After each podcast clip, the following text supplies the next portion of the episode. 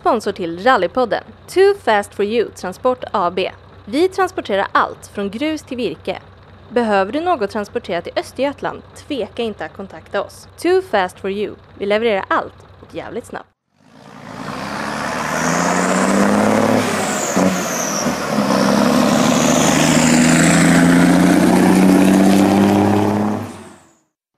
Rallypodden presenteras i samarbete med Top Cat Fishing Guide Fiskeguiden för dig som gillar motorsport helt enkelt.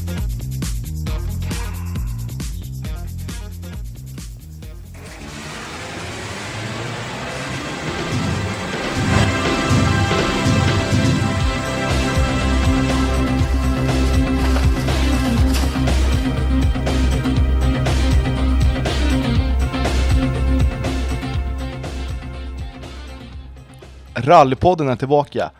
Och idag sitter vi här med kanske inte någon eh, riktigt rallyinbiten tjej, men en väldigt stor förebild för många i södra, tack vare sitt ungdomsarbete i distriktet, samt sin rallycrosskarriär som hon är fullt uppe i nu. Och vi hälsar Natta Petersson välkommen till Rallypodden. Way, tack så mycket. Och det här avsnittet, det spelar vi ju in långt hemifrån för, för båda oss två. Vi sitter uppe i Umeå på Rally Sweden och spelar in det här. ja, alltså det, den resan, den resan. Men det är kul att vara här, det är spännande, väldigt mycket snö. Jag som knappt har snö liksom, men här är snö. Ja, och det är svinkul att vara här uppe och faktiskt få jobba med Rally Sweden under den här veckan som, som ska pågå. Alltså det är ju väldigt mycket jobb som man inte egentligen, alltså man har ju varit i tävlingsorganisationer förr. Men nu snackar vi tävlingsorganisation. Det, Ja, alltså det är full fart från morgon till sena natten för att det här rallyt ska kunna bli av. Och alla som gör det här arbetet gör ett fantastiskt jobb, måste vi säga. ja men verkligen, alltså det, jag tror att vi landade på flyget och sen så en halvtimme senare så satt man och jobbade i denna smeten av människor som bara försöker ro ihop allting och bara bita ihop och köra och sen så imorgon då, torsdag, så börjar hela alltet. Och man bara känner, äntligen. Ja, och det är riktigt kul att se engagemanget från, från alla här uppe. Och hur kommer det sig att vi hamnade här uppe? Ja, vi, eh, vi har Sandra Nyström, hon börjar jobba för Rally Sweden. Eh, och helt plötsligt så sa hon, "Nej, men jag vill ha ungdomsgrupperna, alltså Sveriges bilsportsungdomsgrupper som sköter Rally Office. Och vi bara, men det är klart att vi ska bevisa att vi kan det. För vad kan vi inte liksom? Eh, och nu så sitter vi här, några ungdomsgrupper från hela Sverige, eller blandade, inte alla tyvärr, för det handlar ju om ledigt från jobb och allt sånt där, men vi är ett gäng. Det är vi. Och som sagt, vi fick frågan från Sandra som är koordinator för, för hela Svenska rallyt och anställd av dem för att, att sköta om det här med och fixa personal och allting utöver tävlingsledningsorganisationen. Och det, det är en stor ära för oss att få vara här och att vi kan samla så många, eller många ungdomar kanske är fel att säga, men vi är ju ändå utspridda över hela landet. Vi är allt från er i södra till västra, där vi har några från Värmland här, vi från Sörmland, Västmanland och även från övre norra. Alltså det, det, det är hela landet som samlas på en och samma plats för att, för att göra något vi tycker är riktigt skoj. Ja, och det är så kul att när man väl kommer upp hit så att alla har en inställning och att det är att detta rallyt ska bli det bästa. Att få komma hit och se alla jobba från åtta på morgonen till sent in på natten. Det är så mycket jobb bakom som man inte har trott innan. Men alltså, när man väl tänker efter så ja, jo, det fattar man ju. Men det är så sjukt. Ja, alltså det är så mycket runt omkring och överlag. Alltså ett sånt här stort evenemang kräver så mycket ideellt arbete och en vilja av stål för att kunna genomföra. Och sen speciellt under de här tuffa förhållanden som det blev när vi tyvärr nåddes av ett jättetråkigt besked i måndags när, när Roland Micke Åström hade gått bort hastigt och lustigt som är du, det, banchef för hela Svenska rallyt.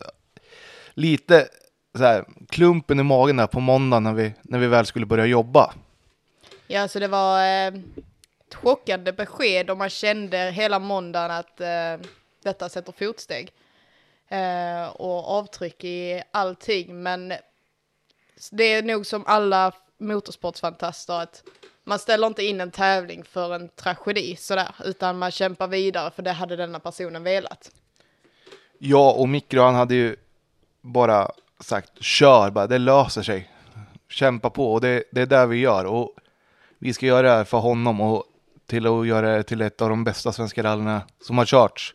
För förutsättningarna finns verkligen ute i skogarna och bland klubbarna och väderförhållandena är fantastiska. Alltså, som sagt, det är precis minusgrader, höga snövallar. Alltså, det kommer bli ett fantastiskt Rally Sweden. Jättetråkigt att Rally Sweden har fått flytta från Värmland, men alltså vägarna här, alltså utrymmet här, alltså det är, det är så sjukt allting runt omkring. Eh, och så här, det går från plus till minus, alltså det är rena isbanor där ute.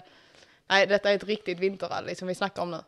Ja, och det som jag känner som har varit både på Rally Sweden så länge i Värmland och som publik i och för sig och jämfört med här i Umeå är ju att här uppe är det inte i Värmland var det rätt utspritt geografiskt, alltså det var väldigt långt till specialsträckor och här känns det som att det inte är riktigt lika långt. Allt, allt kretsar runt Umeå och sen utgår vi härifrån. Men du behöver inte åka så långt som du behövde i Värmland. Det är Nej. också en stor fördel. Absolut, och det är så sjukt också vi som sitter nu i organisationen och liksom rallyoffice där. Vi fick ju veta igår att eh, VIP-biljetterna och VIP-sektionerna de sålde slut innan eh, anmälan skulle stängas till det och sen så idag så har vi fått i vår gruppchatt, vi behöver mer festivalpass dit, mer festivalpass dit, mer magasin. Alltså det är en så stor uppslutning i år så att eh, de är helt chockade inne på högkvarteret liksom. Och det tycker jag är kul, för det här ska upplevas på plats. Alltså, det är en sak att sitta hemma i tv-soffan, men uppleva Svenska rallyt eller vilket stort evenemang som helst på plats är något helt annat än att, än att se det från, från tv-soffan. Ja, alltså jag är faktiskt riktigt taggad. Jag är inte jättemycket för att stå ute på en sträcka utan jag sitter gärna vid, men lite så. Men eh, det, det kan bli kul i år. Det, det känns jättefräckt. Ja, och som sagt, om man ska gå tillbaka till Rally Office, våran uppgift är ju att representera Rally Sweden utåt sett. Det är där man hamnar först när du kommer in på Norli-området och tar emot dem i frontdisken. Vad känner du för den uppgiften? Alltså jag har ju jobbat med kundservice tidigare eh, och detta är nog en av de tuffaste, mest krävande utmaningarna jag faktiskt har gjort. Eh, för att man är så pass ny. Eh, och när man är så pass ny så känns det liksom Jaha, men är det så här det funkar? Alltså man letar i det här magasinet om och om igen så jag tror jag kan det innan och utan till. Eh, och man går vidare och vidare och vidare, men sen så uppskattar man dem. Ja, Jag hade ett pensionärspar igår som kom in och bara, ja ah, vi såg detta och vi tänkte vi bor bara 200 meter bort så att vi går in och kollar om eh, vi kan få lite mer information och jag tyckte det var så fint att de boende i närheten bara kommer in och frågar. De har liksom, de hade ingen connection till rally från första början utan nej, de såg att det hände något i stan och så kommer de in och frågar. Och sen bara, ja jag har läst lite på nätet och jag bara, åh, vad gulligt. Nej, och det är ju det, alltså flytta en sån här stor apparat till, till en helt ny ort. Och Umeå kanske inte är jätteförknippat med, med rally, även fast man har stora profiler som Thomas Rådström och, och sånt i närheten, så kanske inte rally, rallykänslan har, har infunnit sig riktigt. Men jag tror att det här kommer bli succé så länge Umeå får växa in i uppgiften, för det är svårt att komma in och ersätta Värmland, absolut. Men första året gjorde de suveränt vi, och vi hoppas ju att det fortsätter så här. Ja men absolut och eh, alltså jag som inte egentligen har jättemycket koll på rally utan jag är relativt ny i det. Har vi någon alltså storåkare härifrån? I, i Umeå-trakten, Ja eller? men alltså runt omkring, alltså nu är vi i Norrland, då får vi tänka att 20 mil är inte lika långt som det är nere hos oss i Skåne. Som tävlar just nu, ja men det är ju Micke Wikström vann ju SM i, i nationella två, eller fyra VD förra året. Eh, det finns ju flera som, som tävlar på hög nivå här uppe också. Men som sagt, det är inte lika stora startfält som det är nere i södra och i mellersta Sverige. Men det finns ju fortfarande profiler och som sagt, Thomas Rådström är ju en av våra bästa rallyåkare i modern tid i alla fall, som åkt VM i flera år. Jag var helt hundra på att han var från Värmland, men ja, då har vi ett, så bra koll har jag. Nej men så är det, alltså Thomas han bor ju här utanför för Umeå och är med och hjälper, eller har hjälpt till med, för team och det som har varit här och testat och grejer. Så Mm. ja, han är involverad på det sättet och hjälpa teamen och, och hitta sina förberedelser. Ja, men alltså det är som sagt, det, där är så många personer bakom hela denna uppslutningen så att jag vet inte ens var man börjar, men det är mäktigt. Mäktigt är det. Verkligen, och bara se. Vi har fått vara här under hela veckan och se när teamen anländer och bygga upp en serviceplats. Alltså, man kan tänka sig att ja, men det, bygga upp en serviceplats på ett vanligt rally eller men här det är ju en stor apparat som ska byggas inne på, på området. Alltså jag tyckte som kommer från rallycrossen och har sett de flesta depåerna och de flesta tälten att det är mäktigt. Men när jag såg Hyundais tält, jag bara vad är detta? Vad fan har de fem trailers eller något sånt? Plus tält och tre våningar eller vad? Ja, alltså jag fattar ingenting. Nej, det, det är min, ett mindre lyxhus de bygger upp. För att alltså, vara här den är i alla fall vecka. större än min lägenhet hemma i stan. Ja, det kan vi vara överens om och det är nog större än de flestas hus också. ja, nej men alltså det är riktigt sjukt och alltså att se allting, alltså det, det är så mycket folk emellan och alla är så trevliga och alla är bara är taggade på denna helgen. Så det, det är underbart. Ja, och som sagt, idag börjar ju det dyka upp fler och fler gäster, alltså publik och sånt. Teamen kom här måndag, tisdag. Idag ser man ju att idag anländer ju publiken och, och media och allting. Alltså, det är idag man ser, idag växer staden, Umeå. Ja men verkligen, alltså det, är- där, man, alltså det är så tydligt att det händer någonting i stan, för hela atmosfären i stan, även på de som bor här, den är helt annorlunda. Alltså de är hjälpsamma, de är, alltså där finns alltid folk. Men så är det. Och vet du det, när man pratar med folk som vi gör i, i, i Race Office där, så är det ju väldigt positiva tongångar och som sagt, jag tror och hoppas verkligen att det blir mer publik än vad det var förra året. För då tog sig kanske inte de här som har lite längre åka upp hit. Men det är där, det är där folket saknar. Alltså, resan hit kanske är längre, men du får uppleva ett bättre vinterrally än i, än i Värmland kanske. Ja men äh, verkligen, så jag hoppas att det, det blir en större gemenskap. Alltså att alla verkligen får ta del av detta och att det är inte jättemånga mil ut till den sträckan som är längst bort om vi ska ta det helheten liksom. Det känns så, och det händer så mycket i stan.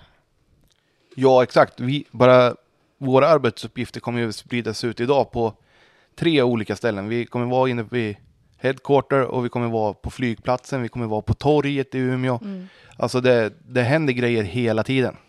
Ja, alltså nu står vi ju mest och säljer idag, alltså när det anländer folk som inte har ha- hämtat ut rallypass eller allting där, men att verkligen få vara med och ta emot alla gäster, så det är, det är en speciell känsla. Absolut. Och vad är dina förväntningar på den här veckan? Alltså vi har redan börjat lite grann, alltså, men vad är din förväntning på resten av veckan? Och hur tror du att det här kommer vara här när det väl strömmar in massor av folk? Alltså, eh, jag älskar ju stora tillställningar. Det ska vara mäktigt, det ska vara liksom, man ska komma ihåg detta och det, det känns som att vi är på den vägen. Det känns som att detta kommer bli grymt bra även med de tragiska starten vi fick på veckan, absolut. Eh, och jag tänkte faktiskt, jag är inte så jättemycket för att vara ute på sträckan en gång, men eh, jag tänkte faktiskt ut och besöka det lite. Alltså, det är ändå att det har fått mig att faktiskt vilja gå ut i det där kalla vädret, stå i den där skogen eller vad man ska säga. Jag är inte jättemycket för snö, så det är så här, kommer troligen frysa ihjäl, men jag ska ut. Jag lovar, du kommer inte frysa ihjäl. Det är bara att du klär på dig lite mer Natta. Jaha, men alltså, det varmaste kläderna i min garderob i Skåne, det är ett par jeans. Ja, det, du får nog åka och komplettera med ett underställ skulle jag Jaha, rekommendera. okej. Tack, då vet jag. Men i alla fall, alltså jag ser fram emot det här så väldigt mycket och att det kommer bli en suverän vecka. Och att vi hjälps åt så fruktansvärt mycket som vi gör inne på headquarter. Och jag tror att det har byggt en sammanhållning också hos de som är där och det, de som är, är med, de är gamla i gamet. Alltså, mycket av organisationen kommer ju från, från Värmland också. Alltså, och deras engagemang i Rally Sweden är enormt. Ja, men det är så härligt att se att det där är både nytt folk och gammalt folk som vet vad vi har gjort tidigare, så här gör vi. Och nu så kommer det nytt folk med nya idéer och framgången bara växer. Ja, och vi får hoppas att som sagt vi får sånt fint väder som det är ute idag. Alltså kanonväder, sol, 3-4 Svinkallt. minus och strålande förhållande. Men när vi släpper det här, så här Då har vi hemma. då, då är Rally Sweden klart för det här året. Och då, då vet ju ni vad resultatet är. Det vet inte vi när vi spelar in det här. Nej. Det hade varit fräckt om vi kunde liksom syna in i framtiden nu. Ja, Bara det var där, det. lite, lite där vi skulle prata om här. Alltså, hur tror du att det kommer gå för våran svensk, svenskap, Oliver Solberg? Alltså jag har ju alltid varit ett stort fan av Oliver Solbergs körstil framförallt. Han är jättefräck och härlig som person också. Eh, men hans körstil, alltså jag älskar den. Eh, jag tror han börjar bli varm i kläderna. Jag tror att eh, det är nu det händer. Det, han känns på en bättre plats just nu. Jag tror teamet passar honom betydligt bättre kanske än vad det gjorde Hyundai och så alltså gå ner ett step, snäpp och sen kanske bygga vidare därifrån. Det, det tror jag är helt rätt väg att gå just nu. För det finns inte så mycket, mycket platser i fabriksteamen och om du inte ska betala multum för att, att köra i VRC så är det nog helt rätt steg. Åka VRC 2 ett år, bygga lite mer erfarenhet och sen till nästa år kanske vara tillbaka in i VRC-cirkusen. framförallt bygga självförtroendet. Alltså, han är fortfarande livlig, han har självförtroendet med sig, men att bygga på det ännu mer för att jag tror han kommer tycka att VRC2 är en så kallad lätt klass inom situationstecken. Alltså att han känner sig mer hemma, kan bygga på sitt självförtroende, bygga sin kunskap och sen gå upp och leverera där han faktiskt hör hemma, för att han hör hemma i VRC. Ja, men det tycker väl jag också att han gör. Men jag tycker att det, det är ett moget beslut av, av att ta det här steget som, han, som de faktiskt gjorde i teamet och gå tillbaka. Och som sagt, VRC2 i år är inte lätt. Det är mycket bra chaufförer och det kommer bli stenhårt om den där titeln. Och som sagt, vi får hoppas att det är Oliver som står högst upp. Men jag kan, alltså jag, jag vet inte riktigt om jag tror att han, han fixar en titel i, i VRC2. Nej, det, men eh, ja, som sagt, jag, jag uppskattar den här grabben, så det, han är fräck. Så att vi får ju liksom bara pusha på honom, känner jag. Ja men så är det. Jag, jag lovar sig, om han håller sig på vägen under, under hela Rally Sweden så kommer han vara topp 8. För det kommer försvinna bilar framför i VRC-klassen. Så om han är på vägen så är han solklart topp 8. Ja, men jag tror han kommer verkligen eh, visa framfötterna och det är hemmapublik och så. Jag vet att det är mer press när det är hemmapublik, alltså absolut. Eh, men jag tror han är så pass tränad så att han kan hantera detta och kommer njuta av varje tillfälle. Absolut. Men om vi ska börja avrunda lite det här snacket om Rally Sweden så kanske vi ska gå in lite på det här med ungdomsgrupper och, och vad vi har för roller i distrikten och lite så. För det är så jag har lärt känna dig genom de här ungdomsträffarna vi har haft på SPF och där vi får byta erfarenheter och, och kunskap med varandra om olika sportgrenar och hur ni jobbar i ert distrikt och hur vi jobbar i, i centrala ungdomsgruppen och, och så. Alltså jag sa det igår när jag satt eh, i Race Office med både Emelie och Lina. Så sa vi det, ja, men till exempel om tjejlägret aldrig hade funnits inom bilsporten så vi, jag träffade de två första gången. Hade vi ens suttit här idag? Och likadant nu när man tänker på det, ja men det är faktiskt när Hampus tog igång SPF där och jag träffade honom på ett sånt evenemang första gången. Alltså, hade vi suttit här idag om inte det hade funnits? Eh, jag är tveksam, alltså, och det är så mycket slumper som gör att man sammanstrålar och, och bygger en gemenskap. Alltså, och det är gemenskapen som är, är själva stöttestenen i, i mycket av det vi, vi gör inom motorsporten så är det gemenskap och, och vi, vi alla tycker att det är jäkligt kul att hålla på med både det här ideella arbetet och vilja ha in fler ungdomar, alltså hitta de vägarna också. För som sagt, ungdomar de kommer inte till sporten längre utan man behöver hjälpa dem kanske lite på traven. Och om man kommer som ungdom så är det ju oftast med, med sina föräldrar eller någon i sin, i sin närhet som har hjälpt en in. Och då tycker jag att det är så viktigt att man tar hand om de som kommer som nya 14-15-åringar. Eller ännu yngre inom kartingen. Alltså att man verkligen tar hand om de här som vill och visar att om man inte tävlar så kan man vara med och hjälpa till som funktionärer. Ja men verkligen alltså att vara här i denna situationen och att kommit så långt. Och jag har i alla fall märkt på mina ungdomar i södra distriktet att det finns så mycket vilja att vara funktionär även bland förarna. För att de får en helt annan inblick på allting och det, jag är så impad av mina ungdomar nere i södra att de vill vara med, de vill förstå allting. Alltså jag har ju ungdomar som nu som jag utbildar i tekniker och verkligen skickar dem vidare ut på de tävlingarna där de hör hemma. Och det är ju där, det är där jag som verkligen brinner för det här med, med vad heter det, funktionärsbiten. Tycker det är så kul att se att det, de här yngre måste släppas in och få lite, lite uppdrag, flaggfunktionärer eller ja. Och så kommer man växa in i tävlingsorganisationen för det är inte, det är inte så svårt att komma in, men man måste få en väg in till Du det. måste ha någon att typ hålla i hand de första stegen innan du kan springa fritt.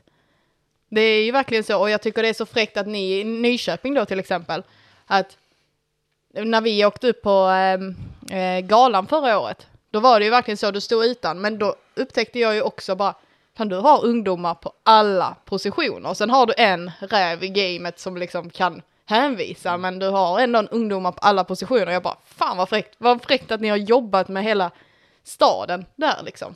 Ja, men så är det. Och jag tycker det är så kul att du nämner det här, för om man ser till vårt arbete, vi har, det vi, vi satt och pratade om det, vi, vi har årsmöten när vi kommer hem från Svenska rallyt. Och då så är det så här, ja, om man kollar på vår styrelse, det vi saknar egentligen är de här, alltså de har gjort så mycket för klubben, de här äldre, men nu saknar man dem nästan lite för att de är väldigt få, alltså det, det finns säkert 15-20 stycken som är väl riktiga eldsjälar fortfarande. Men det har funnits så många fler. Men jag tror att de har, kä- känner kanske lite, oj, vi har fått in så mycket ungdomar, så äntligen kanske vi kan ta ett steg tillbaka. Mm. Och nu när man ska välja in en styrelse så, vi har säkert, vi har en eller två som är över 65 år i styrelsen. Och det tycker jag är så här, wow, man, men man saknar fortfarande de här, De som har gjort allting i alla år. ja, lite grann Som så. ändå har kunskapen och vetskapen om allting. Ja, men ändå så är det så. Den ser ju bra ut på pappret att klubben föryngras. Men som sagt, vi får inte glömma bort de här eldsjälarna. Det är de som har byggt klubben. Alltså, och det är så viktigt att ta hand om dem också. Man- Absolut. Man får, får inte bara inrikta sig på ungdomarna. För då tappar vi kanske de här eldsjälarna här borta istället. Ja men man, det är ju så här, du kan ju inte, du, kan du river inte ett korthus på basen. Alltså det är så här, du börjar plocka från toppen. Men om du så här istället tänker, ja men en fadder. Dessa eldsjälarna som har varit med i klubben, alltså det är de vi vill ha till faddrar att lära upp ungdomarna. För det är så viktigt att de delar med sig av sin kunskap. Eh, det är fräckt. Ja, och som sagt, det vet jag att ni i södra som distrikt är ju jätteduktiga på det här med att kunna samla er. Alltså, ni har en konferens syd och sånt som vi kanske ska prata lite om vad konferens syd är för de som inte vet om det. Förutom ni i södra, det är jättestort att se er, men ute i övriga landet, konferens syd är ju faktiskt en jättestor grej som jag tycker ni gör superbra. Så jag tror vi har väldigt lätt för det för att södra är väldigt litet. Alltså det är mycket folk på liten yta så att säga. Ehm, men just konferens syd det är ju en sån där alla våra SKA, alltså sportgrensansvarare har, de har varit kanske på sitt konferensevent i Stockholm, fått höra de nya reglerna, gått all, hela vägen liksom. Sen kommer de tillbaka så skickar man ut en inbjudan till alla klubbar, alla förare och all, alla som vill vara med liksom eh, bjuder in dem till en möte en helg liksom, där vi bara får berätta att detta har hänt, hur ska vi tolka denna regeln? Och sen så när väl säsongen börjar så har alla varit på det här mötet och då vet man att ja men nu så vi tolkar denna regeln så här och då gör vi sam, samma tolkning på den regeln på alla banor som vi har eller på alla sträckor, alla tävlingar vi har. Vilket är bra för då får vi ju samma uppfattning överallt och det kan inte bli några frågetecken. Men på denna tävlingen gjorde vi så, på denna tävlingen gjorde vi så, varför är det så här? Och så vidare och så vidare. Så det, det är en bra gemenskap att faktiskt bli enade. Det, det är jättebra och jag tror, tror och hoppas att fler distrikt kommer ta efter den här konferens syd. För jag tycker, alltså man blir lite avundsjuk när man ser er. Det är lite prisutdelningar här.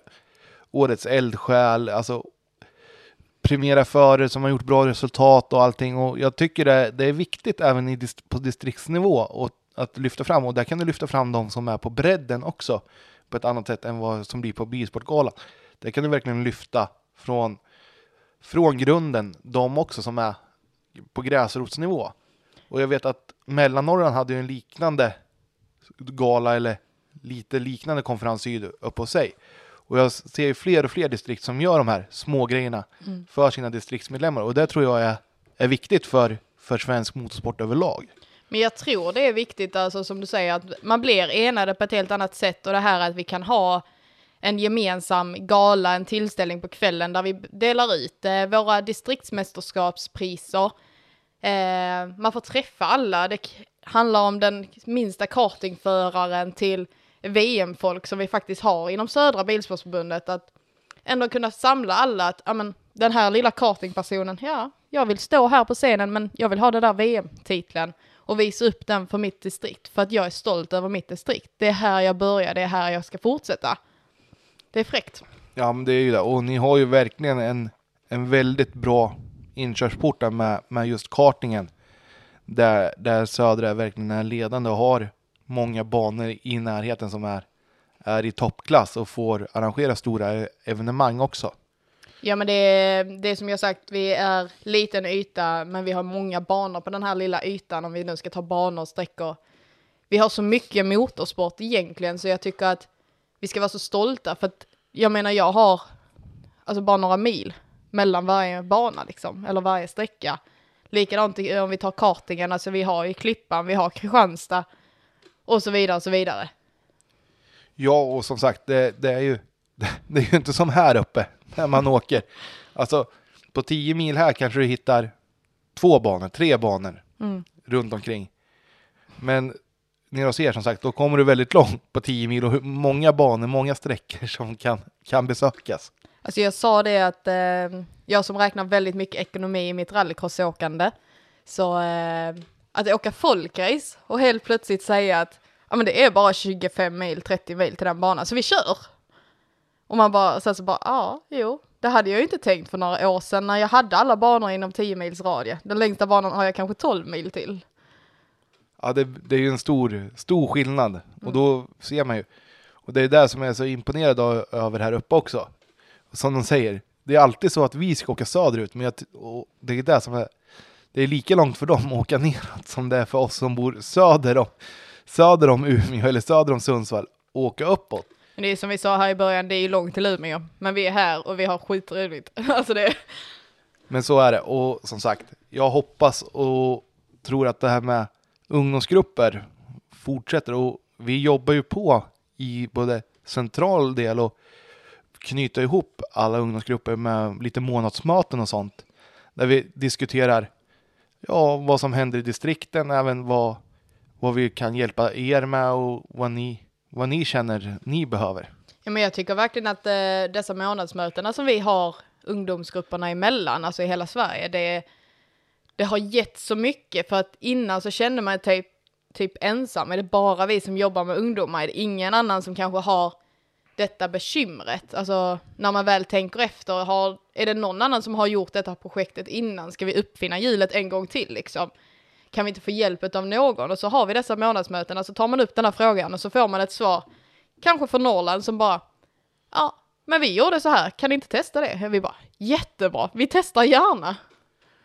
Och det är som sagt det här med nya idéer och det.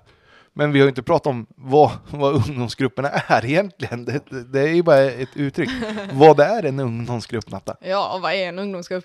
Vi, har, vi leker mest och vi har väldigt roligt. Nej men, eh, min ungdomsgrupp i alla fall, eller Södras ungdomsgrupp, jag kan inte ta all cred.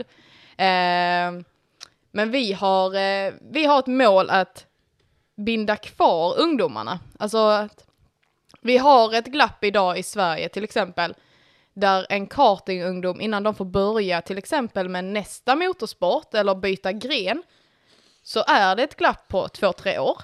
Eh, om du inte vill ta kartingen till eliten där det kostar flera miljoner, men du kanske vill börja med folkrace så där får du börja när du är 14 nu som träningsjunior liksom.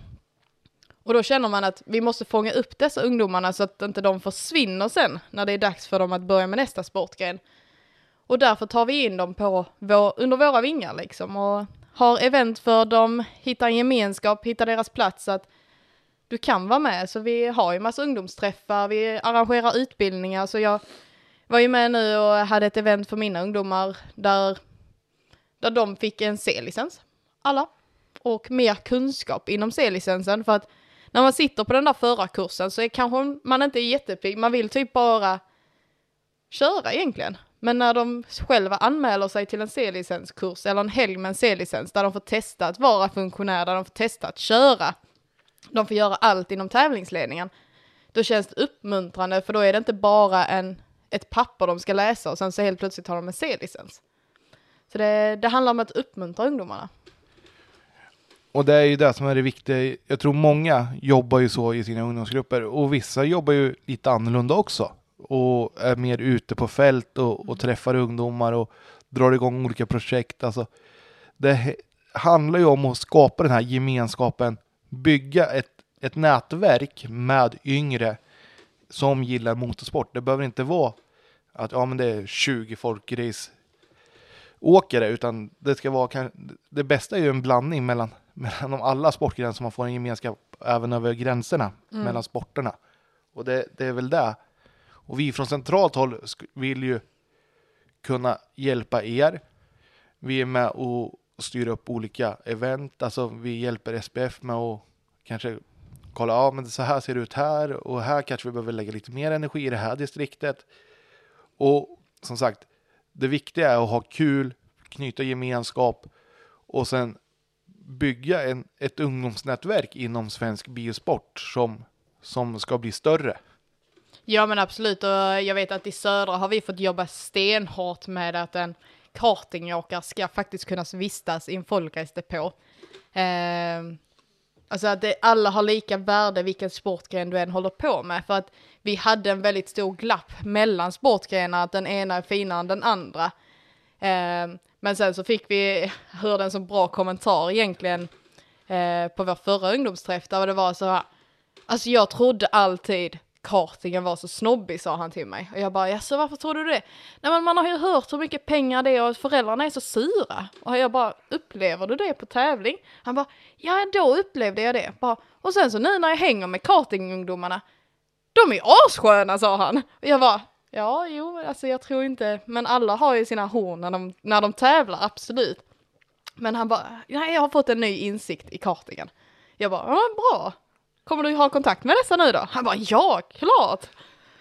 Och det är det som blir så kul för er som, som ungdomsgrupp också, att känna att man har gjort något som så här, knyter de här kontakterna, hjälpt till och knyt kontakterna. Det är inte ni som har skapat dem, men ni har varit en, en stöttande del i det hela. Och jag tror att det är det som är så fruktansvärt viktigt för oss. Och vår den här, att de här ramarna är här, men vi kan gå utanför ramarna och se, se världen och se motorsporten, därför vi, är, vi gillar egentligen samma sak, mm. fast det kanske är att man kanske tycker om att åka med mycket fäste på asfalt eller att man tycker om att åka och sladda eller oavsett vad det är så är det ändå en gemenskap inom motorsportsvängen om man säger. Ja, men det, det blir ju en större gemenskap också. Eh, det är som man säger, motorsporten pratar mycket om gemenskap och det är en sån klassisk, varför håller du på med motorsport? Ja, men det är för gemenskapen. Men det är ju faktiskt för gemenskapen. Alltså det är ett tråkigt svar, ja, men det är ju faktiskt för det. Ja, och sen är det för adrenalinet. Det, ja, måste, okay det, då, okay det, det kan vi ju inte sticka under stolen med. Lite junkie, men vad fan gör det? för det tror jag alla har den här som tävlar, att det är ju det är ändå någonting i adrenalinet och det här spännande, att det går lite fort. Det kan om man inte är riktigt på tårna så kan det gå åt helvete. Ja, det har du ju också fått uppleva så att säga. Ja, men det, det har väl alla som har tävlat någon ja, gång. Så. Det har vi, absolut. Vad jag vet så var det ju någon som skulle åka RX2 i Höljes också. ja, och det är en annan historia. Nej, men, ja, nej, den kommer ju lite senare här så den kommer du inte missa. Nej, tack för den. men i alla fall, det här med ungdomarna och jag tycker att det är så viktigt och vi, nu, nu blir det tjatigt kan mm. jag tycka också. Men i alla fall, vi jobbar på med våra ungdomsgrupper och ska hjälpa till att bygga ett nätverk. Och så viktigt med att ha de här distriktsträffarna och allting. Och även centralt, att man får träffa alla ungdomar ute i landet också. Precis som det här eventet, att vi syns och, och träffas och gör saker som gynnar svensk motorsport. Och det här är ju inte lek, det här är allvar. Alltså, det gäller att leverera, men vi har jäkligt kul på vägen. Ja men det blir ju det och eh, jag hade ju kanske inte skickat ut mina yngsta deltagare hit för det är så mycket allvar. Men hade jag fått veta att de hade klarat av det, att det inte bara är lek och stoj, då eh, hade jag absolut skickat med dem att få hänga med hit upp. Eh. Men sen så vet jag ju att mina ungdomar vill ju detta i framtiden. Det, de vill vara med ute på banor, sträckor och allting som finns. Det är bara härligt att se att det, viljan finns, vi måste bara ta hand om det. Exakt, och vi har ju gjort flera sådana här funktionärsuppdrag. Vi har ju jobbat på olika tävlingar runt om i Sverige och det har väl varit lite mer mot rallyhållet de gångerna vi har jobbat, men det har ju även varit att vi kanske har varit med och stöttat på någon mässa eller, eller så. Och det är där, som sagt, vi, vi vill allt väl och jobba för att ungdomar ska ha det bra inom motorsporten. Mm. Sen så kan man ju även säga det, är det någon ungdom där ute som så här känner, men jag vill komma in på dessa ungdomseventen. Alltså, vi kanske inte kan marknadsföra oss på alla ställen där ungdomarna är. Vi, vi kan ju bara vår krets och sen typ tar det stopp och sen får man hoppas att det går vidare på ringarna på vattnet liksom. Men jag känner det att ett bra tips nu, det är typ bara googla eller skriva, alltså ditt bilsportsförbund, som jag kommer från Södra Bilsportsförbundet, skriv då Södra Bilsportsförbundet ungdomsgrupp eller ungdom efter så får du fram vad mitt distrikt gör för ungdomar. Eh, och när vi har nästa eventträff och när vi har en prova på crosskart-event som vi ska ha här i sommar och när vi ska prova på folkrace och, och så vidare och så vidare. Så det är bara att googla och ta tag i det för att alla eh, kanaler kommer inte alltid hela vägen fram så att säga. Nej, och om man inte hittar något på sitt eget så finns ju vi centralt också. Och det finns på SPFs hemsida vart ungdomsgruppens mail och där finns. Så det är bara in och, och titta där och, och dra iväg ett mail så stöttar vi upp och hjälper till så gott vi bara kan och, och hjälper er ungdomar till att komma in dit ni vill. Och om det finns någonting i er närhet som vi, vi kan vara med och hjälpa er och, och hitta rätt i också. Mm. Men om vi ska gå vidare lite då från ungdomsgruppen Mm. så har du en egen karriär också. Ja, de säger det. Oj. Nej, men det, jag är ju... eh, ja, Jag har ju drivit mitt rallycrossåkande ja, sedan jag var 16. Där jag bestämde mig att jag är trött på folkrace. Ja, om vi går tillbaka lite. Alltså hur kom du in i motorsporten? Oj, eh, nej men jag är ju som alla andra. Det är mina föräldrar. Men jag ska helt ärligt säga att jag hatade motorsport fram tills jag var 14, 15 där. Eh, vilket kanske är så här. Jag är så van vid att mina föräldrar när vi var små, att de åkte på den här tråkiga tävlingen och sen så, äh, no, eh, stackars mamma, men eh, lite så här mot henne. Hon var ju aldrig i final. Eller jag upplevde aldrig att hon var i final. Och då var det ju så tråkigt för hon la ju där sist liksom. Eller så hade jag bara otur på det lilla jag såg och faktiskt brydde mig liksom. Ehm, men vi har alltid varit med på motorbanan. Alltså sen vi var små. Det, mina föräldrar har varit högt uppsatta i klubben, eller högt uppsatta, men de har alltid varit på klubben och jag vet att det var måndagar på klubben, att man var nere i klubblokalen och allt sånt där. Och någonstans kanske det blir för mycket när man vill göra något annat som barn, alltså när det är roligare att spela boll eller som för min del, jag hade både hästar och gymnastik och allt annat jag gjorde.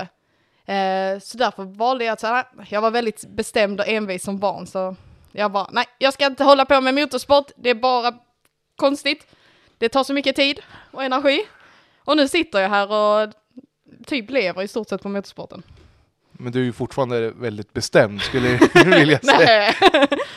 Nej men absolut. Eh, jag, där ska jag faktiskt ge en shout-out för att där kom hem en tjej till oss när jag var 14 eh, som skulle vara med mamma på en tävling och köra mammas tävlingsbil och jag tänkte fan vad fräckt med en tjej som ska köra liksom. Nu körde hon junior då.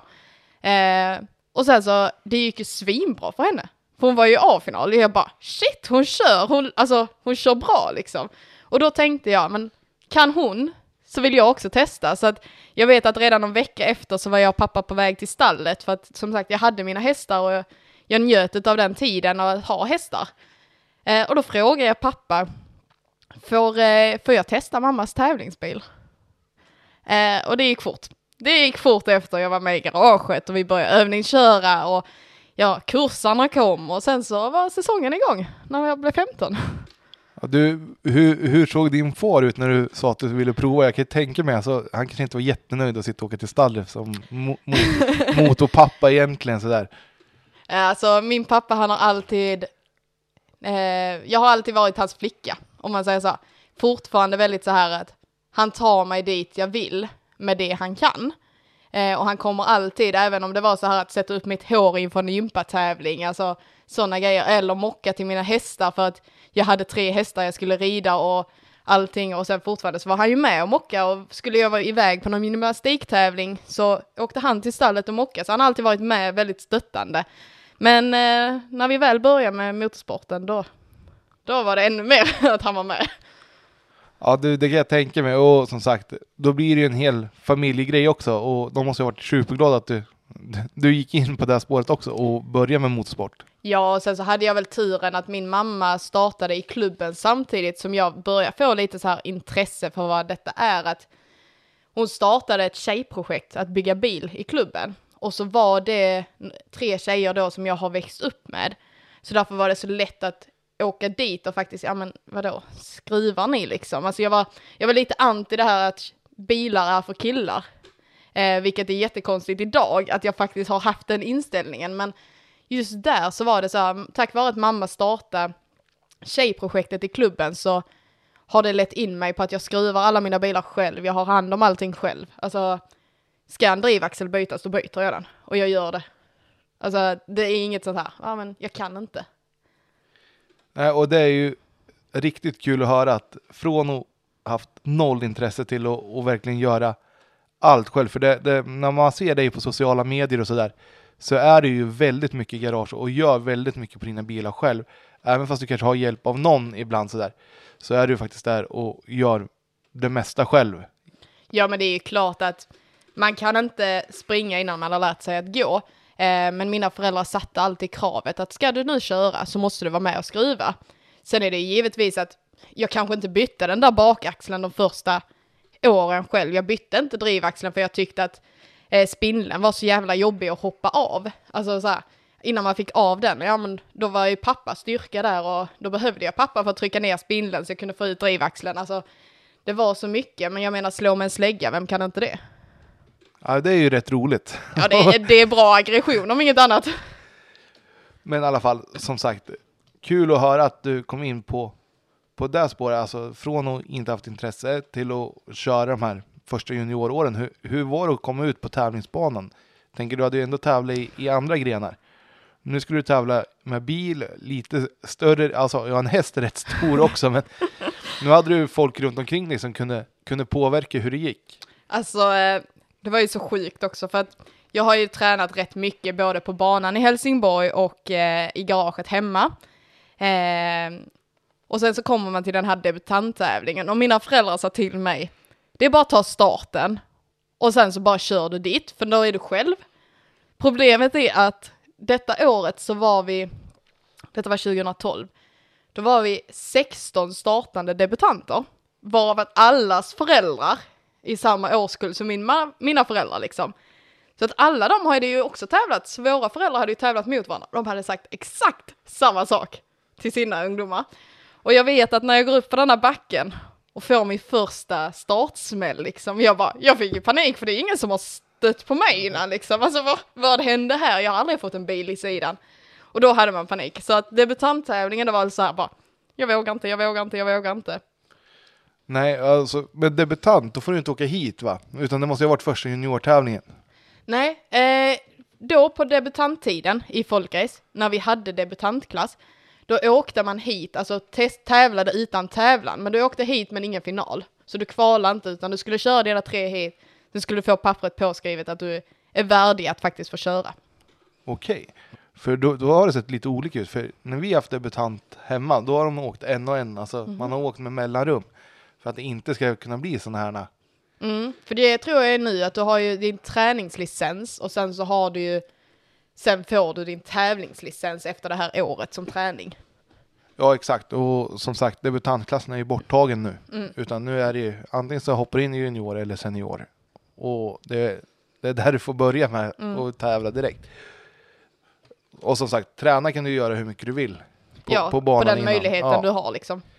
Så, men som sagt, var det så att du delade bil med din mamma här i början eller? Nej, det du... hade hon aldrig vågat. Eh, jag är ju rätt vild så att säga.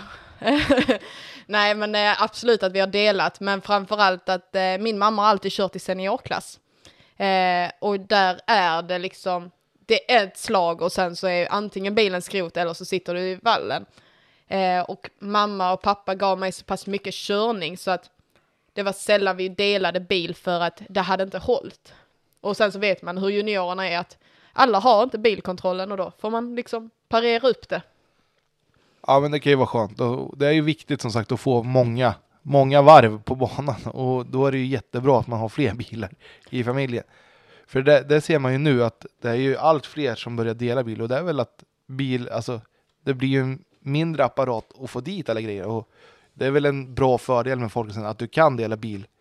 För det, det får ju in fler i sporten. Ja men absolut, alltså folkracens fördel är ju att det är en familjesport och du ska kunna dela bil. Eh, och sen så framförallt nu med ekonomiläget i världen så tror jag att det kommer att bli mer som delar bilar med tanke på att det blir inte lika stor omkostnad om du behöver dra två släp, två bilar och så vidare och så vidare.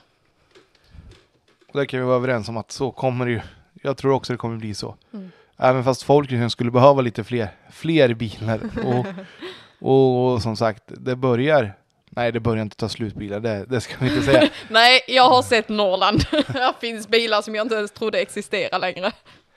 Så nej, men som sagt, det, det byggs kanske inte lika mycket, mycket nybyggen utan man ru- rustar upp det som finns istället. Ja men absolut och eh, jag kör ju Audi så jag har alltid fått bygga mig mina bilar för att eh, det är inte förrän nu på de senare åren som det har kommit in. Så jag har alltid varit väldigt själv på Audi har jag känt mig. Eh, vilket också har varit skönt för min del för jag, har, ju- jag blev av med min första bil nu förra året efter tio år i branschen liksom. Så det är så här, men man märker ju nu att nu börjar folk köpa mer på tävling för att det är fortfarande billigare att rusta upp den bilen du köper på tävling än att du ska svetsa en hel bil med de elpriserna vi har idag. Ja, och materialkostnader och allting. Och vet du det, när du säger att du åker Audi, det är en rätt udda bil i folket. Varför har du fallit in på Audi? Eh, jag tror också det är en sån här eh, familjegrej, eller så här, när mamma och pappa började så eh, höll de på, eller de skruvade i ett team då som hette A-team, vilket var Audi-team om jag har fattat allting rätt. Eh, och hans stalle då som var väl teamchef eller vad, man- lite vad man ska säga, han eh, hade ett öga för Audi och femmorna där, alltså femcylindriga motorerna. Eh, och därför blev det så och sen så har det bara fortsatt när V6orna kom och V6orna är rätt härliga att jobba med faktiskt. Ja, men det är, ju, det är en bra anledning till att åka udda bil, men jag tänker du kanske inte kan få lika mycket hjälp i en depå med grejer till, till just en Audi. Nej, det kan jag absolut hålla med. Alltså jag kan ju inte springa till Namsa och fråga, ja men har du ett styrstag eller så, men jag har alltid varit väldigt noga med att vi slaktar en reservdelsbil varje säsong ungefär. Så vi alltid har, och sen så idag är det faktiskt billigare att beställa reservdelar från Tyskland än att köpa en reservdelsbil och slakta. Ja, och det finns ju så mycket nya reservdelar att få tag i. Som sagt, från, från olika sidor och, och så. Och sen att de kanske inte har bästa passform alltid, men det spelar inte så jättestor roll i folkrace.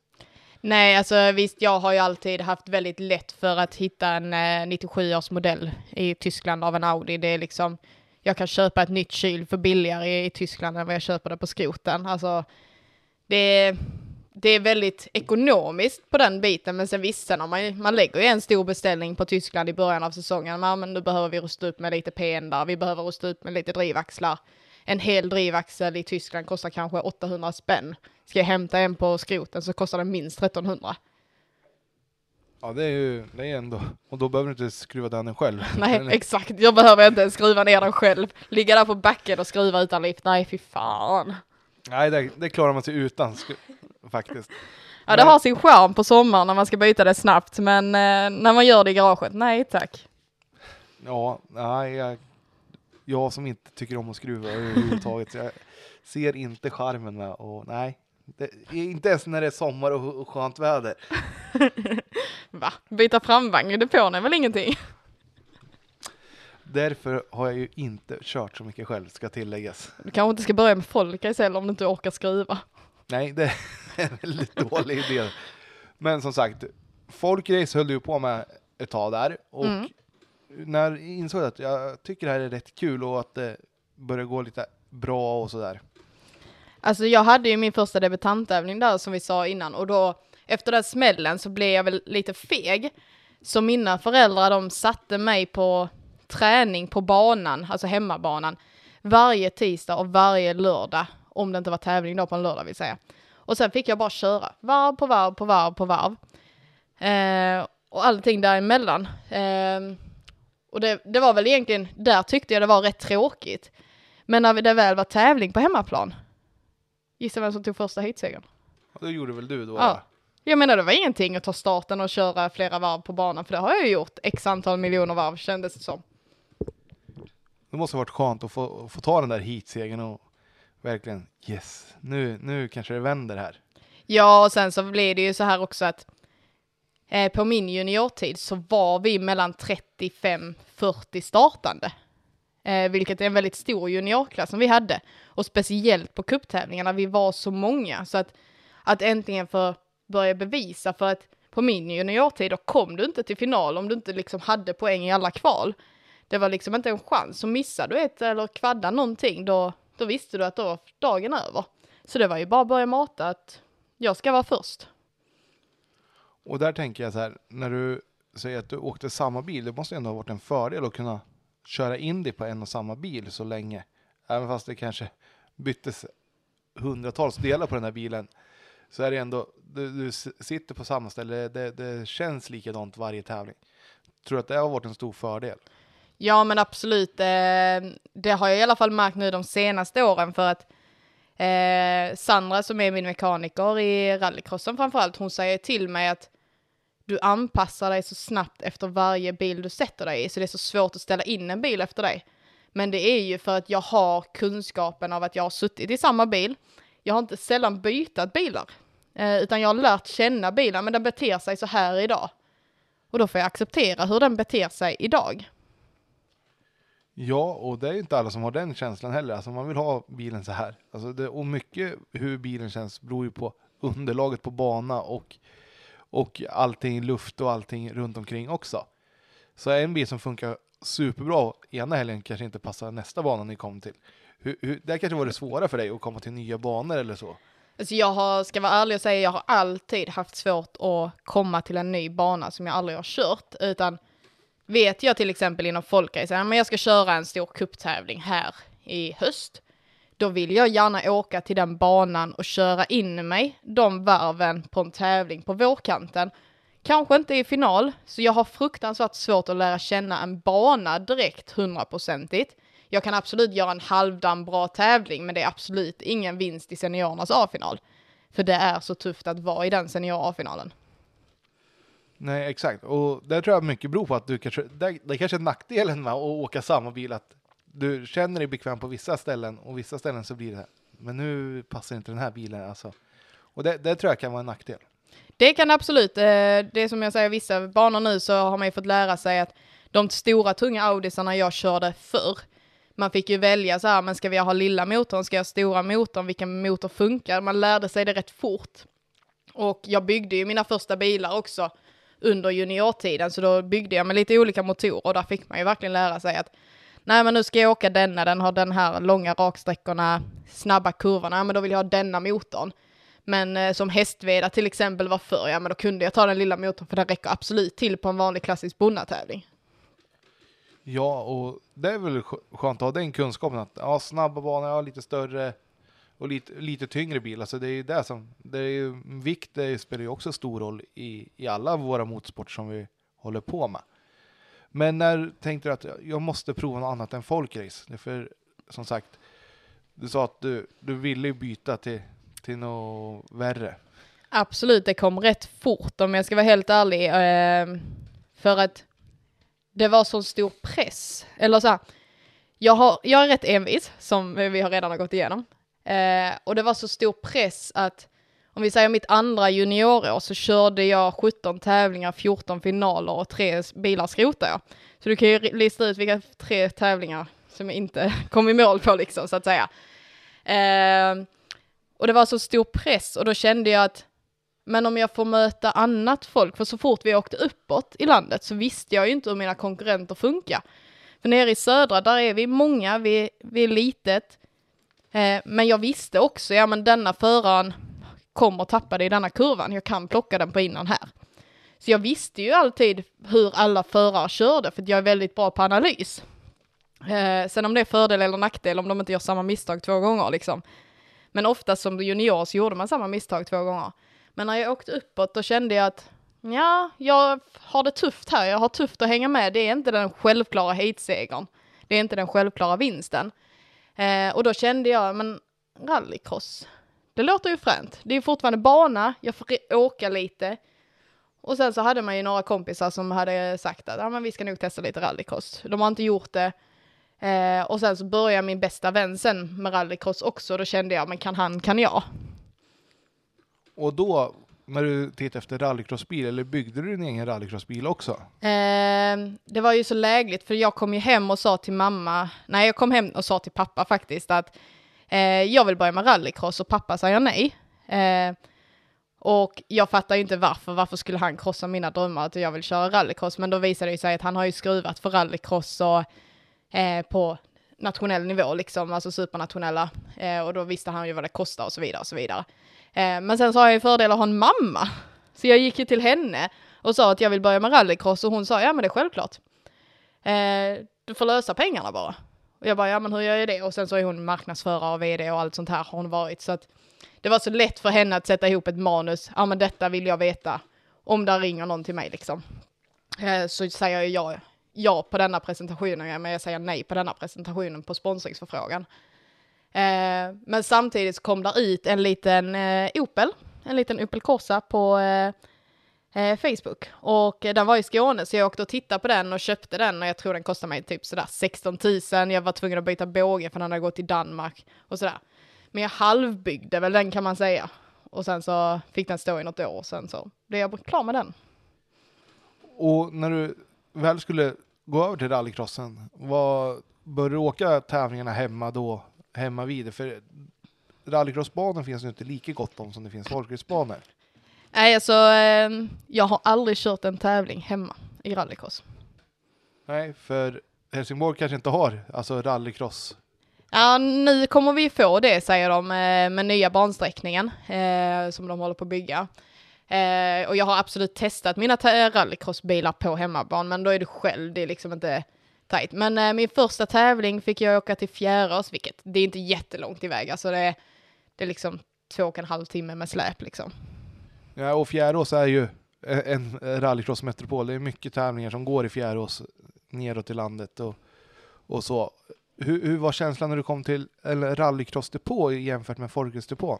Eh, väldigt splittrad uppfattning för att på den tiden så var det fortfarande att du kunde åka till tävling med din personbil och släp och ha allting i kofferten. Eh, men man kände ju sig också så här, visst jag känner mig väldigt liten för att vara där som, ja vad jag kanske var 17, eh, för det här, jag köpte ju den när jag var 16 och sen så gick det väl något år där. Eh, men att vara där och faktiskt komma dit och bara, oj vad liten jag är nu, från att vara i folkracen där jag är riktigt bekväm att jag vet att här, denna tävlingen ska jag köra final på. Eh, men att komma till en rallycrossdepå där jag inte egentligen vet någonting. Jag har ju fått lära, jag har fått läsa varenda reglemente, bara hur går det till. Man är ju så ny på någonting. Och det, det var en speciell känsla. Men jag var ju fortfarande med min personbil, min alltså V70 och släpet och min lilla Corsa. Ja, och som sagt, då är det 2150 gissar jag att du, du började mm. med och som sagt i juniorklassen där var det ju rätt mycket som åkte. Kommer du ihåg alltså, hur många ni var när du, när du åkte första tävlingen i Fjärås? Uh, min första tävling i Fjärås, jag tror, ja, om vi var 15-16, jag vågar inte exakt säga antal för det, det är så pass många år sedan. Eh, men det var ju som sagt, jag, jag hade bara en polare som jag visste körde den klassen, de andra kände jag inte till. Och sen så tyvärr året efter, när jag skulle åka den så kallade Götalandscupen, eh, så året efter så eh, var vi tre juniorer. Från att vara från 15 juniorer till tre juniorer, så då slängde de ju in oss i seniorklassen. Vilket för mig inte var någon big deal, för då hade jag redan börjat åka senior i folkrace, eftersom att jag precis hade blivit 18. Självklarhet när de släppte in oss juniorer och gjorde en dispens på oss i Götalandscupen, att vi fick köra bland grabbarna istället för att möta tre folk, för hur kul är det liksom? Ja, och då kan jag tänka mig att det blev rätt tuffa hit också när det går på tid och man ska försöka hänga på istället för att ta placeringar. Hade du lätt för det eller var det så här att du fortfarande gått in i fighter som kanske var lite onödiga och, och tappa tid på istället? Jag eh, tror faktiskt jag hade bytt bil till detta tillfälle till, jag köpte mig en Audi där också, konstigt va? Eh, så att jag var väldigt ny i min bil, men jag visste att jag tog varje rallycross seniortävling då, alltså DM-cupen tog jag som en träning för att då höll jag ju på med min SM-satsning i junior-SM och där var det lite fler juniorer. Ja, okej, okay, så andra året i rallycross så gick du över, köpte en ny bil och började satsa på junior-SM. Ja, jag hade väl lite problem med att få ihop motorn på korsan och jag fattade inte riktigt hur jag skulle bygga. Det var mycket nytt, jag fattade inte hur jag skulle få effekten ner på hjulen så att säga och vilka drivaxlar och sånt ska man ha och massa sånt. Så det var mycket där och då, då var det, kändes mycket bättre att köpa en, en bil som jag ändå hade lite mer förtroende för. Det kan jag förstå att man gör och sen speciellt om man ska lägga sin energi på att åka ett junior-SM också så vill man ju ha en bil som man kanske kan lita mer på och, och känner att den kanske är mer konkurrenskraftig också. Mm.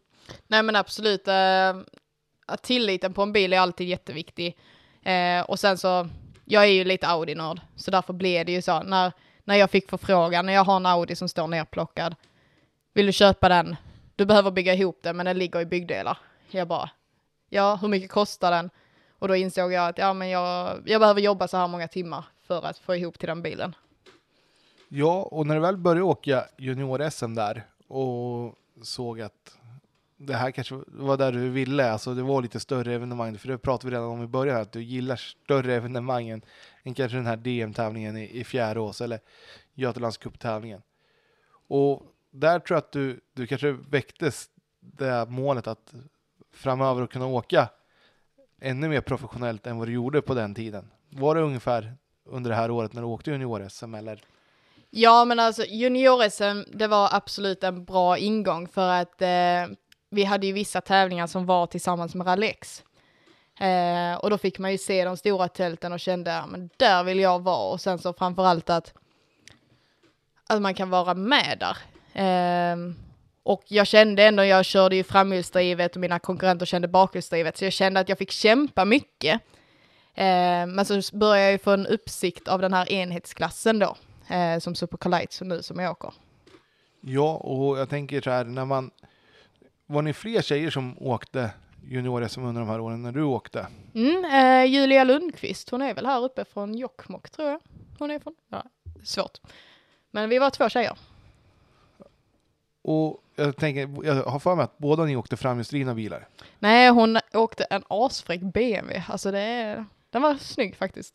Okej, då var det fel människa jag tänkte på. Det, för jag vet att när man var och kollade på junior-SM, eller SM rallycross så var det ett par tjejer som åkte framhjulsdrivna bilar, men det mm. kanske var innan.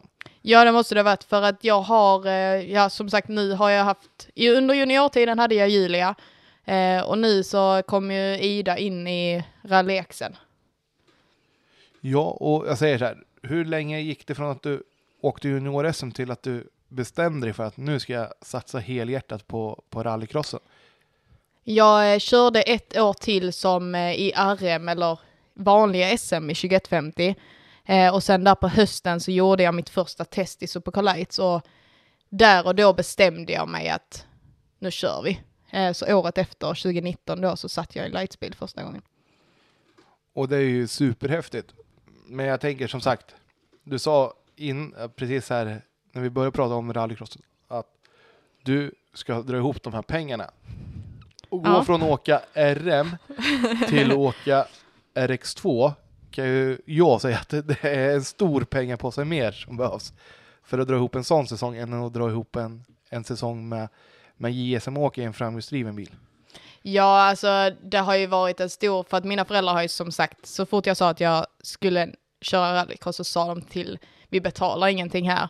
Eh, och det gjorde sig så tydligt när jag frågade pappa, kan du köpa bränsleslangklämmor på Biltema? Han bara, ska du ha dem till rallycrossbilen? Jag bara, ja, nej då köper jag inte dem och det är 14,90 kostar de på den tiden. Eh, och det var, då, då fattar jag att han är nog allvarlig med att han inte går in i, i pengar, ekonomin, eh, i min rallycross-satsning. Eh, och då var det ju det här att man börjar ragga sponsorer där som 16-åring. Och jag kan säga på, som 16-årig tjej, då var det jävligt lätt att ragga sponsorer. Du kunde leva på att du var tjej ungefär. Eh, det var också på den tiden där, där tjejer i motorsport, alltså det var så fräckt fortfarande att det var inte så normaliserat som det är idag. Idag måste jag leverera på resultat för att få en sponsor. Har väldigt svårt att leva på att jag är kvinna nu. Och det är väl rätt riktning kan jag tycka. Alltså jag kan tycka att det är väldigt sunt att höra det. Att, att man inte får, kan, alltså om man har en produkt att sälja, absolut. Och där tycker jag det är så skönt att höra att du säger att det kanske har blivit svårare. Men det är ju ändå ett sundhetstecken för motorsporten att det är normaliserat att tjejer håller på med motorsport också. Ja men verkligen, alltså jag, jag är inte sur för att jag inte kan lägga energin på att ah, men jag är kvinna, jag kör bil. Alltså det är väldigt skönt att jag slipper den, eh, att det handlar mycket om resultat. Men det är ju många sponsorer och samarbetspartner som man har fått bara för att man är kvinna. Och det, jag ska inte säga, men det, det var lätt att komma in på den tiden. Eh, och ha de här pengarna för att driva runt min JSM-satsning som 16 år, inga problem. Eh, dessutom ung kvinna liksom. Eh, sen absolut, jag drev den rätt mycket för att komma in i lights också i det största. Och jag vet att media tycker fortfarande det är jätteroligt, men jag försöker varje gång jag pratar med media att säga, nej men jag är en av grabbarna. Jag är inte kvinnan i depån, jag är en av grabbarna.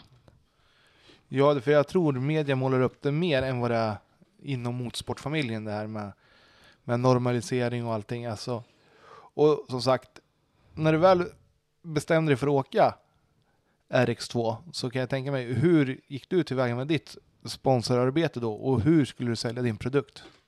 Alltså, jag har eh, länge jobbat eh, med mina resultat eh, och varit brutalt ärlig att jag ska testa detta. Vill du vara med på satsningen? Men jag jobbade väldigt mycket med kalla samtal eh, och sen så eftersom att jag hade byggt upp det sen jag gick i skolan. Jag satt ju till exempel i skolan på gymnasiet så satt jag på rasterna istället för att vara ute och spela kort med grabbarna i min klass så satt jag inne i omklädningsrummet och ringde till olika företag. Jag visste att jag hade 20 minuter där. Kanske hinner två samtal, kanske hinner fem om jag får nej på alla fem. Två samtal kanske genererar ja. Alltså, det var så lätt på den tiden, men nu så är det, man får liksom gå, man får hitta, man får hitta sin nisch ändå, för att Även om det är lätt att rida på att du är tjej då, så kan jag absolut inte göra det idag som 26-åring. Men jag kan göra det tillräckligt bra för att mina sponsorer fortfarande tycker det är en fräck vara att vara med i mitt team. Eh, men just nu så har man ju fått jobba mycket med merchandiser eh, och allting framåt. Då var det fortfarande, jag tänker testa detta, vågar du vara med? Och det är väl kul att se att utvecklingen också, och jag kan tänka mig att ju, ju äldre du blir så blir det kanske lite svårare också. För som sagt, det blir resultatbaserat mer och mer också. Och som sagt, när vi börjar prata om din RX2-karriär så kanske inte den började på det absolut bästa sättet. Nej, absolut alltså. Men sen så å andra sidan så jag satte ju verkligen mitt namn på kartan. Det kan man ju ärligt talat säga. Ja, men det gjorde du. Vad var det som hände? För det var ju Höljes, eller hur? Det ja, var premiärtävlingen. premiärtävlingen i mm, rallycrossen. Nej, men jag hade kämpat ihop allting. Eh, signat upp för ett team. Jag åker till eh, Höljes, min första tävling hade varit där två veckor innan och testat. Eh, känner ändå att ja, men träningen den går ändå bra. Eh, lite, hade lite bekymmer med bil, alltså så, men det gick ändå bra, alltså jag var nöjd. Eh, jag tänkte ju att jag får ju ta detta som det kommer, jag menar, alltså snälla, jag stod på startplattan med Oliver Eriksson och så vidare. Det är liksom inga smånamn jag hade bredvid mig. Eh, jag kommer där och jag bara, ja ja. Eh, ställer mig på startplattan i första hitet. Starten går och jag känner fan jag missar lite på lampan. Alltså inte mycket men jag kände att jag missade och det gör ju alla förare man känner när man missar en start. Går upp för backen och hela innern är fri. Nice, tänker jag. Jag tar in någon. Ja, problemet är ju att det är en till som tänker detta så han touchar ju mitt bakhjul när jag går på första krönet i Höljes, alltså i första kurvan. Och det börjar rotera. Och det jag räknar till ett varv, glider på taket, två varv, landar. Jag bara, fan, vad är detta här nu? Och bara frågar jag min spotter Robin i ja, intercomet då som vi har. Jag bara, vad fan hände? Han bara, äh, du fick ett slag på bakaxeln, slog runt. Jag bara, tack, då var det bekräftat. Och sen så är man ju som van folkraceåkare, så jag tänkte, ja men fine, jag är okej. Okay. Jag är van, lämna bilen så att racet kan fortgå. Och så rödflaggar de. Jag bara, vad fan rödflaggar de för? Eh, och sen då när eh, spikern då på innerplan som han står där, jag var ju precis bredvid honom, han eh, kom fram till mig med mikrofonen och jag bara, eller han fråga mig bara, ja Nathalie, det här var ju inte riktigt så som du hade tänkt att denna tävlingen skulle starta. Och ni vet, tårarna bara kom, för det är ändå en x antal miljoner denna bilen. Nej, men den, bilen kostar väl 1,2 mille och jag har precis rullat en bil för 1,2 mille. Det var en konstig känsla och jag ser ju bara bilen och jag bara, jag bryter ihop för det har tagit mig så lång tid att komma hit. Eh, och gå vidare och faktiskt lyckats. Jag har sålt av min 2150-bil. Alltså, jag hade gjort så mycket uppoffringar, jobbat dag och natt för att få ihop detta och det slutar liksom, ja, vad är det, knappt 200 meter upp till första kurvan. Ja, det är, är väl så. Det är kortare än en dragracing-raka skulle jag säga. Mm. Det var lite där. Eh, så det. Och jag bröt ihop framför publiken, framför spikern och så. Och så kände jag, fan jag måste gå ett varv. För så kunnig som jag är på mina bilar så gick jag ett varv runt bilen och bara yes, alla hjul står på rätt håll. Det har kanske inte tagit så illa detta. Nej, nej, fan. Det, det, det, Okej, det var kanske en mjuk rullning, kanske en ruta och lite skrapor i plasttaket. Kommer vi in i depån, bågen är krökt. Aj. Och det är ju det, det är ju röromsbil också, så det, det blir ju en stor process när man ska byta bur i det. Ja, alltså jag vet ju att vi har ju publicerat allt på sociala medier och varje gång detta kommer upp, eh, då är runt mig, så ser jag ju alla minnen igen. Eh, men jag tror det är här jag inser också hur envis jag är för att visst, jag bröt ihop och det tog väl kanske mig fem, sex timmar innan jag ens orkade titta på bilen igen.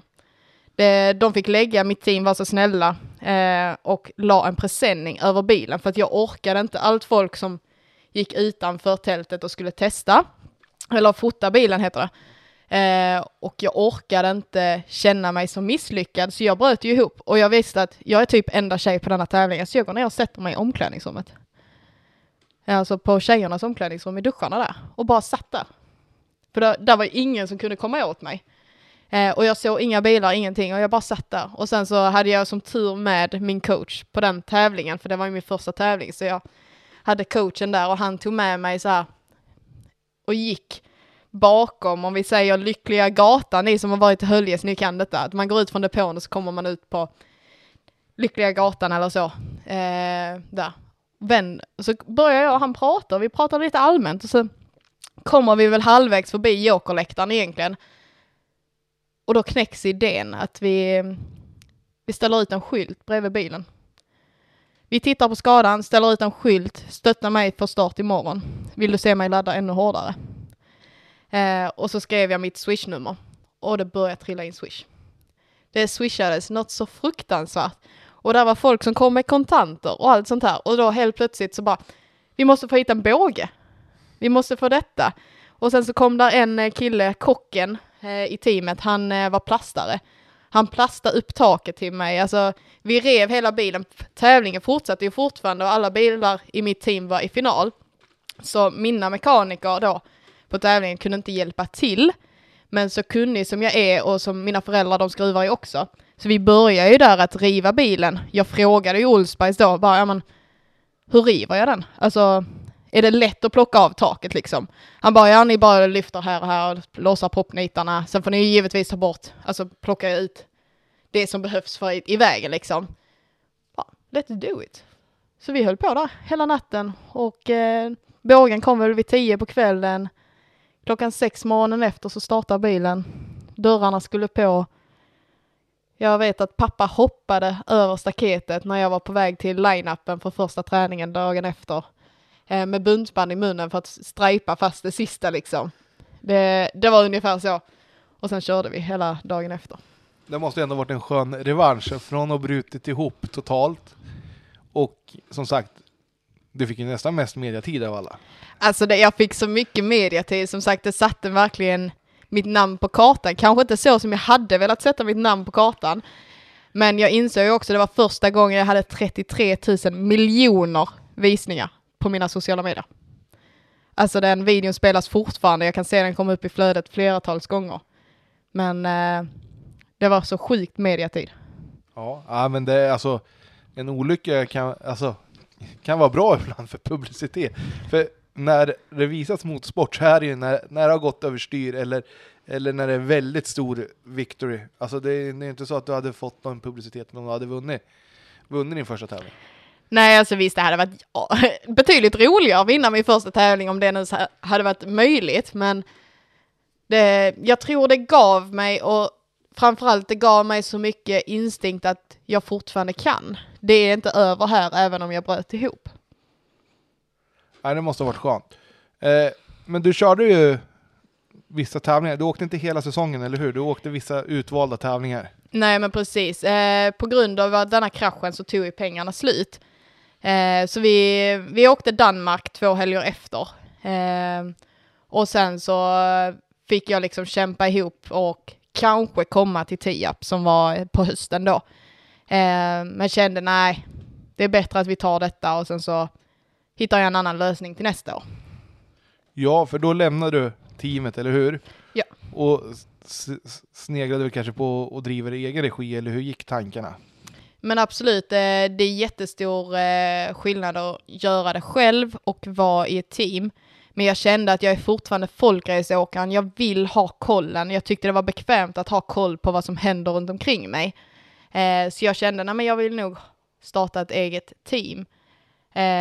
och jag vet inte om det är för eller nackdel, men det året kom corona. Ja, lite halvt sådär bara oplanerat. Ja. Hade du hunnit köpt någon bil då eller hur såg det ut? Nej, alltså eh, min plan var att jag skulle köra för ett team i Riga som man ändå hade hört mycket om. Eh, och där hade jag ställt kraven med lite kött på benen. Men jag vill ha detta och detta. Alltså som, nu vet jag hur det är att vara i team. Nu vill jag liksom ha denna kontrollen på vissa grejer. Och jag hade gjort det väldigt klart för Riga. Men jag skulle väl åka dit och signa kontrakt 20 mars ungefär där någonstans. 15 mars så stänger de gränsen på att lämna Sverige eller komma in i andra länder. Eh, och jag bara japp, nej men sen så visste man ju ingenting om tävlingar eller så, vilket ändå köpte tid för att allting la ju på is så att säga. Eh, och sen så bara helt plötsligt så drar det igång så får man veta att fan det är mitt i sommaren, vi står här utan bil, jag kommer fortfarande inte åt teamet i Riga för de har fortfarande strikta regler, men vi får börja köra. Och helt plötsligt så ska jag liksom hitta en bil i Sverige eller hitta en bil i Norge för att, som fortfarande kan komma in i Sverige. Eh, så jag skickar till promotorn och bara, vet du några lediga bilar? Eh, och eh, han som var medieansvarig där för Alexen, han, han har alltid hjälpt mig väldigt mycket och varit väldigt stöttande. Eh, så han skickade, här har du några kontaktuppgifter, så jag mejlade dem och helt plötsligt så stod jag där med en bil en och en halv vecka innan tävling. Och sen fick man ju dra ihop team och sponsorerna fick ju ringas klart och allting. Så det gick ju i ett. Ja, det kan jag tänka mig, men ändå en skön känsla att få tag i bilen en och en halv vecka innan premiären. Och hur var känslan då att du skulle få bygga upp ditt team, men kanske lite mer panikartad än vad du hade planerat? Så eh, jag kände väl egentligen, det mest panikartade var nog så här, steg ett till tävling, var hittar jag bränsle? Steg två till tävling, var beställer jag däck? Alltså jag fick lära mig så mycket som när jag var i team så hade det kommit åt mig. Så det var, det var mer det, mitt team i mina tankar var redan klart, men allting runt omkring bara, nu ska jag köpa bränsle. Var köper jag bränsle? Var hittar jag detta? Vad gör jag nu? Allt sånt där kom i ett och därför kände jag väl att teamet, då hade jag ju Lisa Jonasson som har varit med här eh, och Sandra som skruvade åt mig och sen hade jag mamma och pappa. Eh, och jag kände att vi får klara oss på det och se, jag har aldrig drivit ett team vi får lösa problemet. Så är det och som sagt, det, det måste ha varit som sagt kul att få bygga ihop det själv och få med, få med de här personerna och hjälpa en. Och när säsongen drog igång där, hur kändes det att åka ut med sin egen bil till startplattan första tävlingen?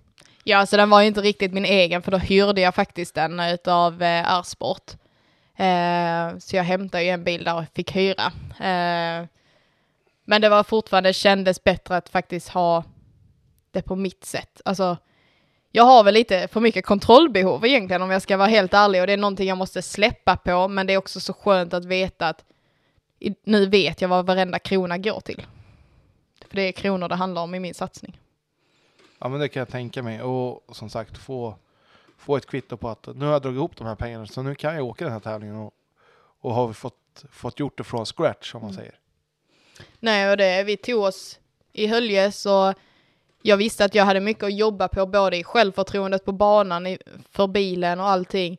Eh, teamet, alltså det, det var så mycket man behövde jobba ron, med runt omkring och jag visste, ja men jag får ta detta året till detta och som sagt en gång fördel för corona kanske för att det var så, det var mindre tävlingar och jag hann reflektera väldigt mycket. Ja men du, det kan jag tänka mig. Och som sagt, hur såg din plan ut för säsongen då? Att det var att åka ett par tävlingar eller du visste kanske inte efter den här tävlingen tack vare att du hyrde bilen? Nej, jag visste ingenting. Jag visste att jag ville starta i Höljes igen för att visa att jag kan. Och jag vill. Och jag kommer tillbaka. Eh, för att jag ger inte upp. Eh, men sen visste jag inte lite, alltså helt och hållet mer, utan det var bara, jag tar det som det kommer egentligen. Alltså, jag hade alltid ett sikte på hela, men eftersom att det var corona så visste man inte, kan alla sponsorer vara med? Förlorar jag någon sponsor på detta kommer allting finnas. Ja, alltså tuff situation att komma in en säsong som det var det här året 2020 och, och, och precis helt grön med att, göra det här med ett team själv och så. Men som sagt, skönt att komma till start första tävlingen. Hur jobbade du vidare för att, att säkra säsongen 2020? Så eh, ja, som sagt, ta det för vad det kommer. Eh, hem mellan varje tävling. Alltså jag brukar vilja vara klar med pengarna inför första säsongen och sen kanske jobba ihop lite småsummor under säsongen. Men där var det ju verkligen komma hem, kolla igenom bilen, vad gick sönder, vad gick inte? Alltså börja, börja ta hela tävlingen som en lärdom. Eh, och inte bara ta det för givet att det löser sig, utan verkligen kämpa för att jag ska vara på toppen. Eh, var är nästa tävling? Kan jag komma dit? Eh, då hade jag ju den turen att det bara var Arvika det året också tror jag. Mycket möjligt att det var så. Ja, jag, alltså jag minns knappt själv, utan jag hade väl sikte på Sverige-tävlingarna också för att det är hemmapublik, hemmasponsorer. Ja men så är det ju och sen var det ju lite halvsvårt att resa fram och tillbaka över gränser hit och dit och så. Så det var väl enklaste, enklaste vägen att gå. Ja, väldigt oklart ens, blir det tävling om en vecka? Får vi köra tävling om en vecka? Får... Vi vet inte ens om vi sitter i karantän om en vecka. Det var mycket sånt kändes det som. Ja, men som sagt, när ni var hemma där och, och funderade på vad som skulle komma efter det här då, vad var dina tankar och planer då? Köra folkrace. Nej men alltså det är rätt sjukt för att är det någonting jag har tagit med mig från mina år i rallycrossen, det är att det alltid är skönt att sätta sig i en folkracebil efteråt. Det är så skönt att, jag har nog gjort det efter varje rallycross-tävling jag har åkt, att helgen efter så sitter jag i en folkracebil. Och det är väl för att så här, tagga ner mig själv lite, vara i den världen jag känner till, veta att här kan jag bara vara mig själv, här kan jag slappna av. Det är ingen, det är ingen kamera som jagar en 24-7. Alltså, det är inte så i rallycrossen heller, men det känns så. Alltså, det är så mycket man ska ha koll på i rallycrossen. Du ska prata engelska med alla reportrar. Du pratar engelska med mekaniker, du pratar... Det är så mycket mer runt omkring en tävling i rallycrossen. Men att få komma hem och bara köra folkrace, det är en avkoppling då. Det kan jag tänka mig och som sagt, skönt att ha kvar någon folkracebil eller bygga ihop någon folkracebil och kunna tävla. För det är ju det, alltså det är ju det som är viktigt att åka mycket bil oavsett var man åker. Ja men det har ju blivit det och eh, jag tror att jag har fått en annan uppskattning från folkracen och framförallt har jag vågat testa nya banor inom folkracen. Ja, det tror jag är viktigt. Alltså, som, som du sa så hade du lite svårt att komma till nya banor så, och prova så mycket som möjligt. Det kan ju aldrig vara fel. Nej, jag kände att det, det gav så mycket mer på varven jag fick lägga i en folkracebil till körningen och självförtroendet när jag väl sitter i rallycrossbilen. Ja, och som sagt, 2020 var ju ett hattigt år.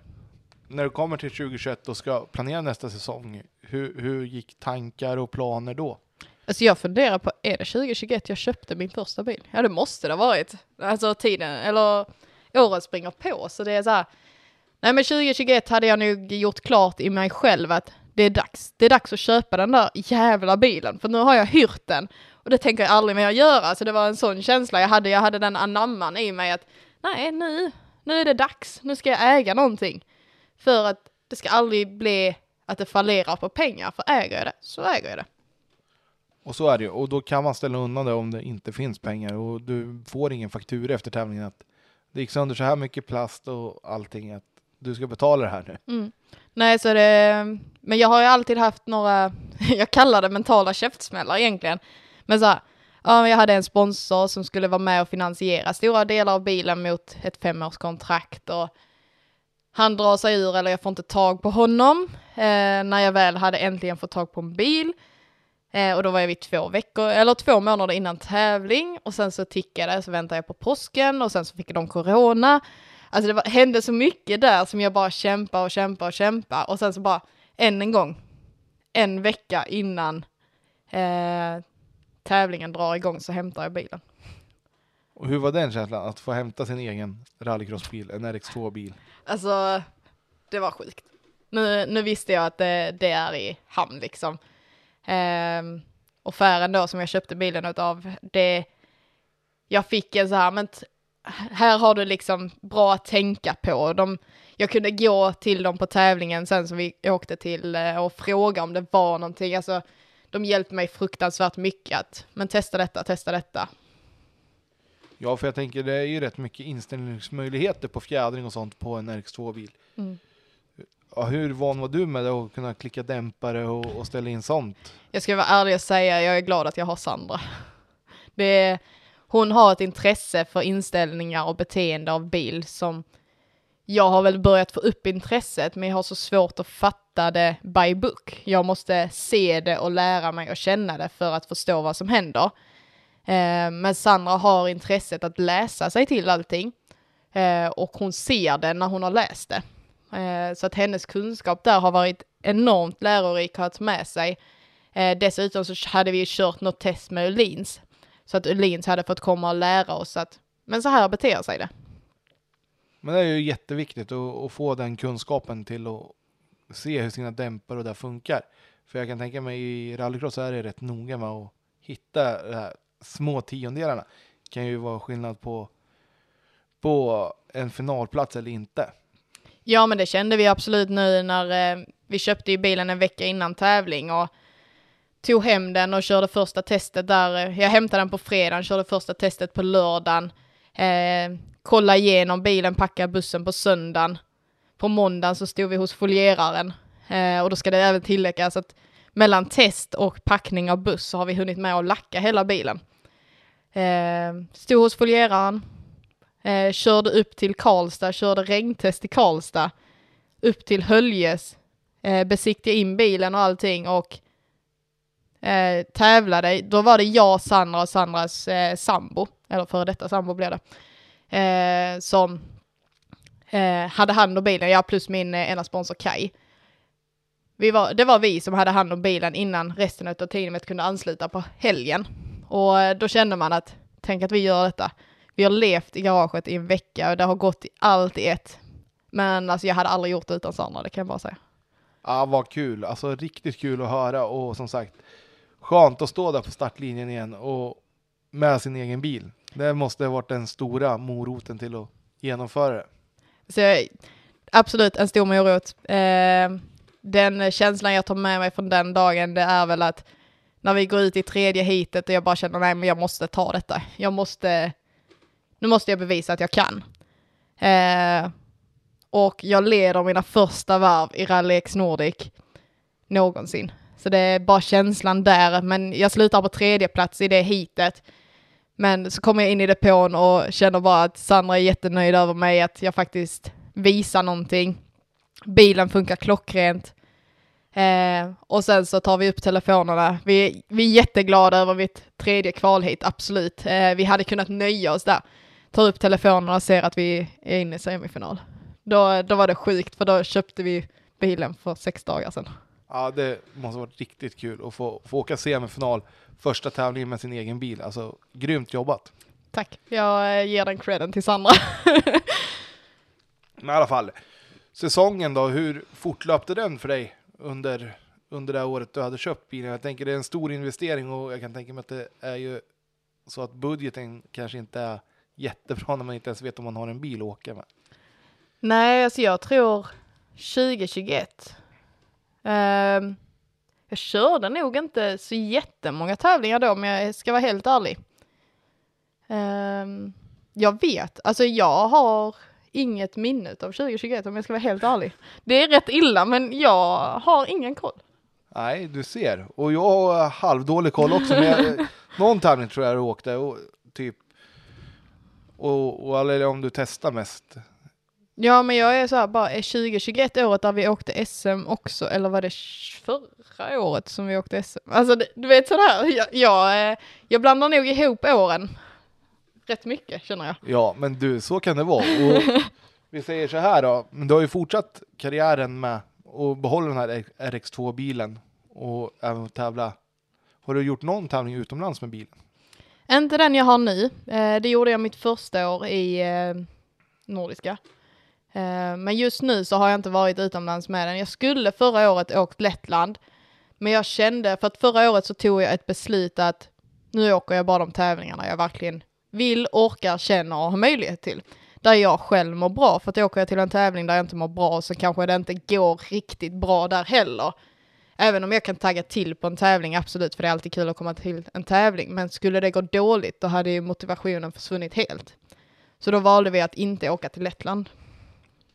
Ett klokt val och som sagt, man ska lyssna på sin kropp och, och hjärna och göra det man tycker är, är skoj. När man inte har satt sig i någon sits där du, där du är tvingad till att göra det.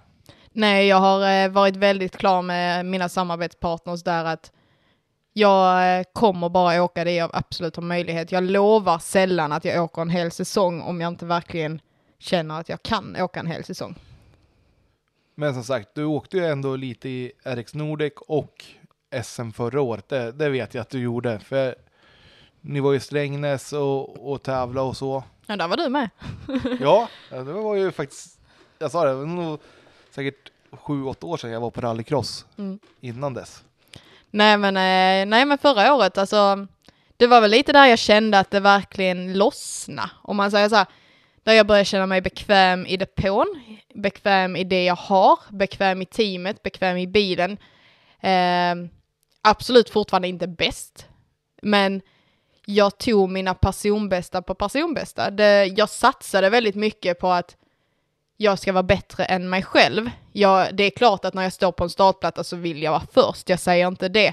Men jag kunde vara nöjd över att komma trea i ett hit som jag kände, här går det fort, eh, men fortfarande sätta en bättre tid än vad jag gjorde på denna banan för kanske ett år sedan eller kanske till och med tidigare hitet. Jag, eh, jag verkligen kämpar för att vara bättre än mitt bättre jag. Ändå skön skön känsla att ha, alltså inte någon större utan bara mot sig själv att så här ska vi jobba i år. Ja men jag tror att det, det gavs mig så mycket för att jag vet att jag kanske inte är i toppen idag att leverera en final i eh, Rallex Nordic eller framförallt vinna en final i Rallex Nordic. Eh, för det är ett så tufft och hårt startfält. Men jag kommer absolut försöka. Det, men framförallt så måste du hitta de här små detaljerna. För det är ju så i rallycrossen när det går på tid så är det ju faktiskt, du kan komma femma i ett hit och fortfarande ha femte tid på hela tävlingen. Det kan vara bra plats. Ja men så är det ju. Och som sagt det skiljer ju så lite i någonting. Mm. Alltså ett hit kan gå svinfort och ett hit kan gå långsamt. Alltså det, det gäller att ha ha rätt förare framför sig om man ska komma långt bak. Ja, det handlar ju mycket om så här, men står man på startplattan med Oliver och eh, vet att han, han kan lights. Det är ju utan tvivel liksom. Vet man att man står på plat, försök hänga på.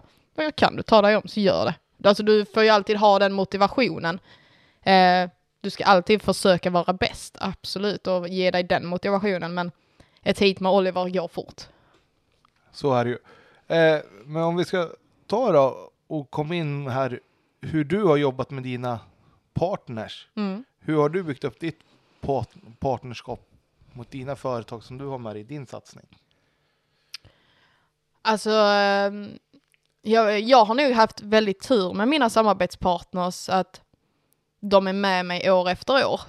Och sen så kvittar det om jag har ju fortfarande samarbetspartners som går in med den här tusenlappen som var stor för mig när jag körde 2150. För en tusenlapp i 2150 det var fortfarande en dunk Aspen.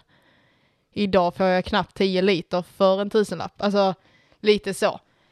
Um, så att jag har väl jobbat väldigt mycket med att bevara dem jag har haft med mig länge.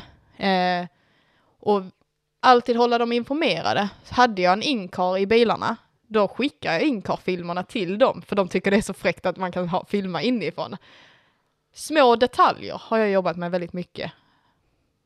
Ja, bra tips och så här skickar vi till andra också att det är det här lilla som kan göra att man behåller sponsorerna i en längre tid. Mm, jag, eh, jag känner det att mina sponsorer ska alltid veta vad som händer. Eh, skulle jag inte komma till ett start i en tävling som jag har skrivit i tävlingskalendern så ska de veta att jag är inte i start på denna och de ska veta att anledningen är detta. Så att vara väldigt ärlig där att nej, jag känner inte för detta. Nu kör vi vidare på något annat. Vi testar detta istället. Denna kommer ge mig mycket mer. Ja, ja men bra tips där och som sagt, hur mycket betyder social, social media i, i samarbetssyfte så? Om vi ska ge ett tips som är väldigt, väldigt konstigt. Jag laddar ner Tinder. Ja, ja det, detta låter sjukt. Har gett mig flera tusen nya följare. Eh, på grund av att jag har skrivit mina sociala medier på Tinder. Jag öppnar Tinder i varje ny stad jag besöker för att få nya följare. Vilket har också gett mig en ny kategori. Så innan så har jag bara kommit ut till motorsportsfolk. Helt plötsligt så öppnar jag Tinder. Jag har bara massa motorsportsbilder i mitt Tinder då. Eh, och helt plötsligt får jag nya följare som inte har med min kategori och målgrupp att göra. Så varje gång jag slänger ut ett inlägg nu så har jag en helt annan algoritm på inläggets träffar. Vilket har gett mig ännu mycket mer views, ännu mycket mer spridning på mina inlägg. Kanske lite konstigt tips, eh, men det, det finns där. Du, det är nog det mest udda vi har haft i rallypodden, det skulle jag vilja säga. Ja men eh, jag, eh, jag är fan rätt nöjd med den att jag kom på att detta, men jag kan nog tjäna lite följare på detta. Så sorry alla ni som trott att jag swipar för er. Du är lite så här douchebag. så här. Ja, jag känner också det. Nej men det är helt okej att skriva också. Och jag tycker det är rätt roligt att vara inne och swipa. Jag kommer aldrig göra något av det men det är fortfarande rätt roligt. Ah, Okej, nice, är du här?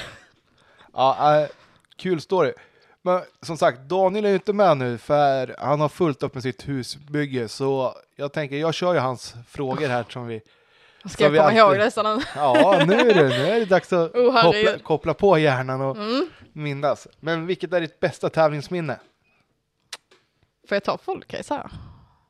Nej, jag, alltså, jag har många bra tävlingsminnen, absolut. Eh, nej, jag tar nog ett rallycross. Nej, nej, nej, jag ska ha ett folkrace. Folkraceminne. A-finalen, senior, Grimslöv nu senast. Usch. Det, det är en eh, story för sig, men eh, att vinna utan koppling, det är någonting som jag inte har gjort innan. Kanske inte på ett sätt jag vill vinna en tävling heller, men det var rätt fräckt. Det har vi inte hört om, så det får du ta och berätta om. Men jag körde, jag hade köpt en bil på bud i somras. Eh, och eh, testade den dagen efter eh, egentligen. Och kände fy fan vad trött den är. Sen hittade jag att ja, men, eh, motorn ströp sig själv och sånt via en AC-pumpen funkar inte så jag fick lägga om lite nya remmar och sånt där. Jag åkte till tävling, rasar kopplingen på besiktningen trodde jag. Sen visade det sig att det var eh, huvudcylinder. Så jag kom till den tävlingen, kunde inte köra ett enda hit. Fick lasta och köra hem igen. Och jag bara, fan jävla skitbil liksom. Åker till en tävling, ja men vad fan, det är mamma och pappas hemmabana. Så, eh, och en bana som jag faktiskt tycker om. Eh, har kört många A-finaler där, så det är liksom ändå självförtroende för den banan. Har varit och testat denna bilen på den banan. Eh, kommer dit, ah, halvknackigt första hit, blir tvåa. Riktigt besviken kan jag väl säga, men det var ändå skönt för vi gick jämsidigt över. Men fortfarande inget så här förtroende för bilen, för jag tyckte den var fruktansvärt trött fortfarande. Alltså jag fick ingen feeling. Ja, tar en hitseger i andra, tar en hitseger i tredje. Yes, jag är i A-final. Skitnöjd att jag är i A-final, för detta är en tävling som jag har sagt, denna tävlingen ska jag vinna någon gång. Um, går upp där, kollar startlistan och inser, fan, det är alla mina juniorgrabbar som jag står i final med. Riktigt härligt liksom. Det var liksom en person jag inte kände igen. Um, går ut där och så när jag rullar fram försvinner kopplingspedalen under foten för mig. Och jag flyger ut bilen, alltså jag var så mentalt taggad för jag ska gå ut och vinna denna tävlingen. Flyger ur bilen, bryter ihop och pappa bara Du ska in i bilen, du ska köra din A-final.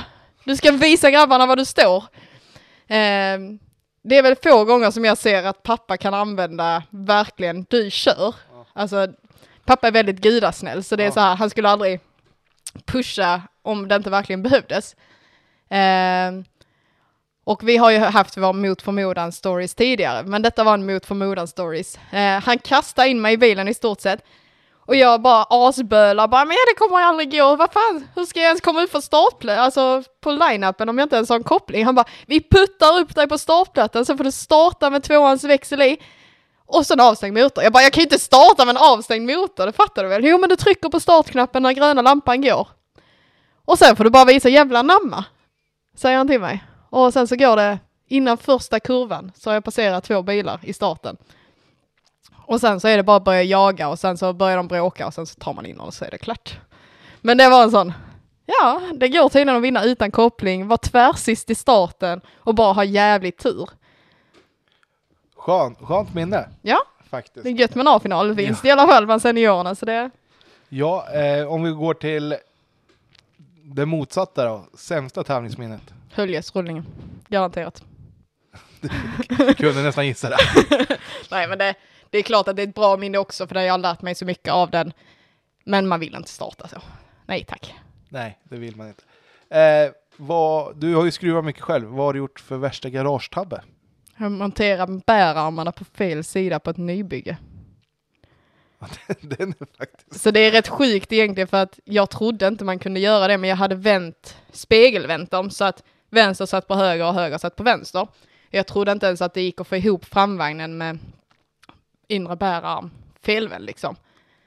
Det, det kanske är unikt eh, om du lyckades mm. med det faktiskt. Jag tog en hitseger med det. så jag vet inte riktigt heller, men när vi kom in så insåg jag, ja okej, okay, där är repor i hela fälgen för att någonting har legat emot, för jag har inte kunnat ratta fullt. Mm. Men eh, heatsegern får det. du ser. Ja, spännande. Eh, och sen har, vi, har du någonting du måste ha med dig hela tiden? Ja, eller Nej men det någonting jag måste ha med mig på tävling, eh, förutom sådana vettiga grejer som Resorb och allting. Eh, det är sån här, eh, finns tejp, alltså muskeltejp typ om du är så. För jag måste tejpa mina tummar innan varje start. Där ser man. Mm. Ja, spännande. Eh, och sen så har vi fått in ett par nya frågor. Mm. Vilken tycker du är den snyggaste rallybilen? alltså i modell eller i utstyrsel ja, eller? Överlag, alltså under, alltså du får välja vilken, eller ja, vi kan säga tävlingsbil. Snyggaste, alltså men nej men jag tar nog stanna kvar på rally där för att eh, VRC-bilarna och sen så eller R5, jag vet inte. Alltså jag är ju kass på klasser i rally, det säger jag bara. Men eh, alltså Volkswagens bilar, de är fan rätt rena. Alltså de är brutala. Ja, den de åkte VRC med förut när ja. åkte, ja den, den, den köper jag, alltså helt klart. Men sen så, alltså jag tycker ändå VRC det känns så likt alla så. Men jag är mycket den, vad finns det under huven, vad finns det i tekniken? Men utseendemässigt skulle jag nog säga Volkswagen. Ja. Eh, vem har du som största idol? Oj, jag tror faktiskt inte jag har någon idol längre. Ehm, jag har ju lärt mig det här att, jo jag hade idoler förr, men nu tävlar jag mot dem, så nu, nu är de inte idoler liksom, nu, nu är det konkurrenter. Vem var idol då? då? Ja men då var det faktiskt eh, grabbarna i Old Spice och Kevin och Oliver då. Ja, men du ser. Alltså man ska ju sträva mot sina idoler och du är där. ja, jo visst, klyschigt men ja. Men och sen så har vi ju, vilket är det bästa arrangemanget du har upplevt? Alltså, eller vilken är favorittävlingen kanske man ska uttrycka sig? Oj, eh, jag måste faktiskt säga folkrace där. Eh, och jag ska faktiskt ta en tävling som jag körde första gången förra året och det var Karlstad två dagars. Men jag tror det handlar så mycket om stämningen med dem jag var med. Tävlingen i sig så kanske inte, det vet jag inte riktigt om jag bara kan säga wow. Eh, det är en bra tävling, lite seg, men ja, den är bra. Den går från start till mål liksom. Men fortfarande, det handlar nog om stämningen, att jag älskar Karlstads bana. Jag älskar att få hänga med värmlänningar. Jag älskar framförallt att hänga med Sandra. Och hennes familj där. Så det, Ja, kul att höra. Och sen den sista frågan då. Vem skulle du vilja höra i podden? oj, eh. oj, oj, oj. Nej men, eh, jag tror du ska få lite mer spridning på det och typ ta någon dragracing. Det, alltså det har inget ingen rallykoppling och vi har inte heller pratat min rallykoppling eftersom att jag är kartläsare, men ta någon dragracer. Bara för att få lite mer spridning. Det kan vara kul att höra inputs från den branschen också.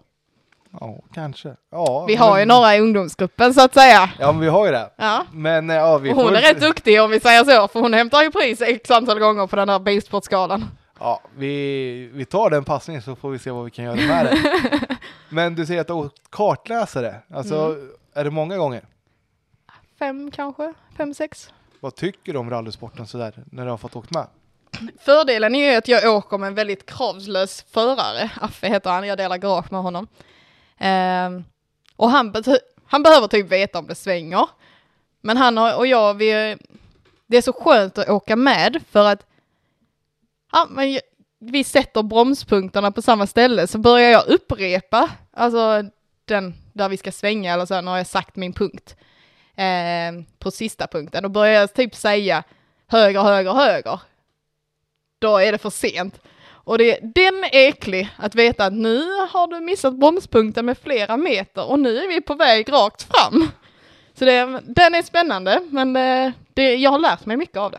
Skulle du vilja testa rally? Ja, men jag tycker synd om den jäkeln som hade behövt sitta bredvid. Ja, äh, det är inte det, är inte det lättaste att hitta någon som vågar åka med Nej, dig. exakt så jag kände också. Men Natta, tack för att du ville vara med och så ska vi gå ut och jobba nu på Rally Sweden. Flygplatsen mellan 16.00 och 23 ikväll. Jajamän, det blir en hel dag det här. Jajamän. Tack och hej! Tack, tack!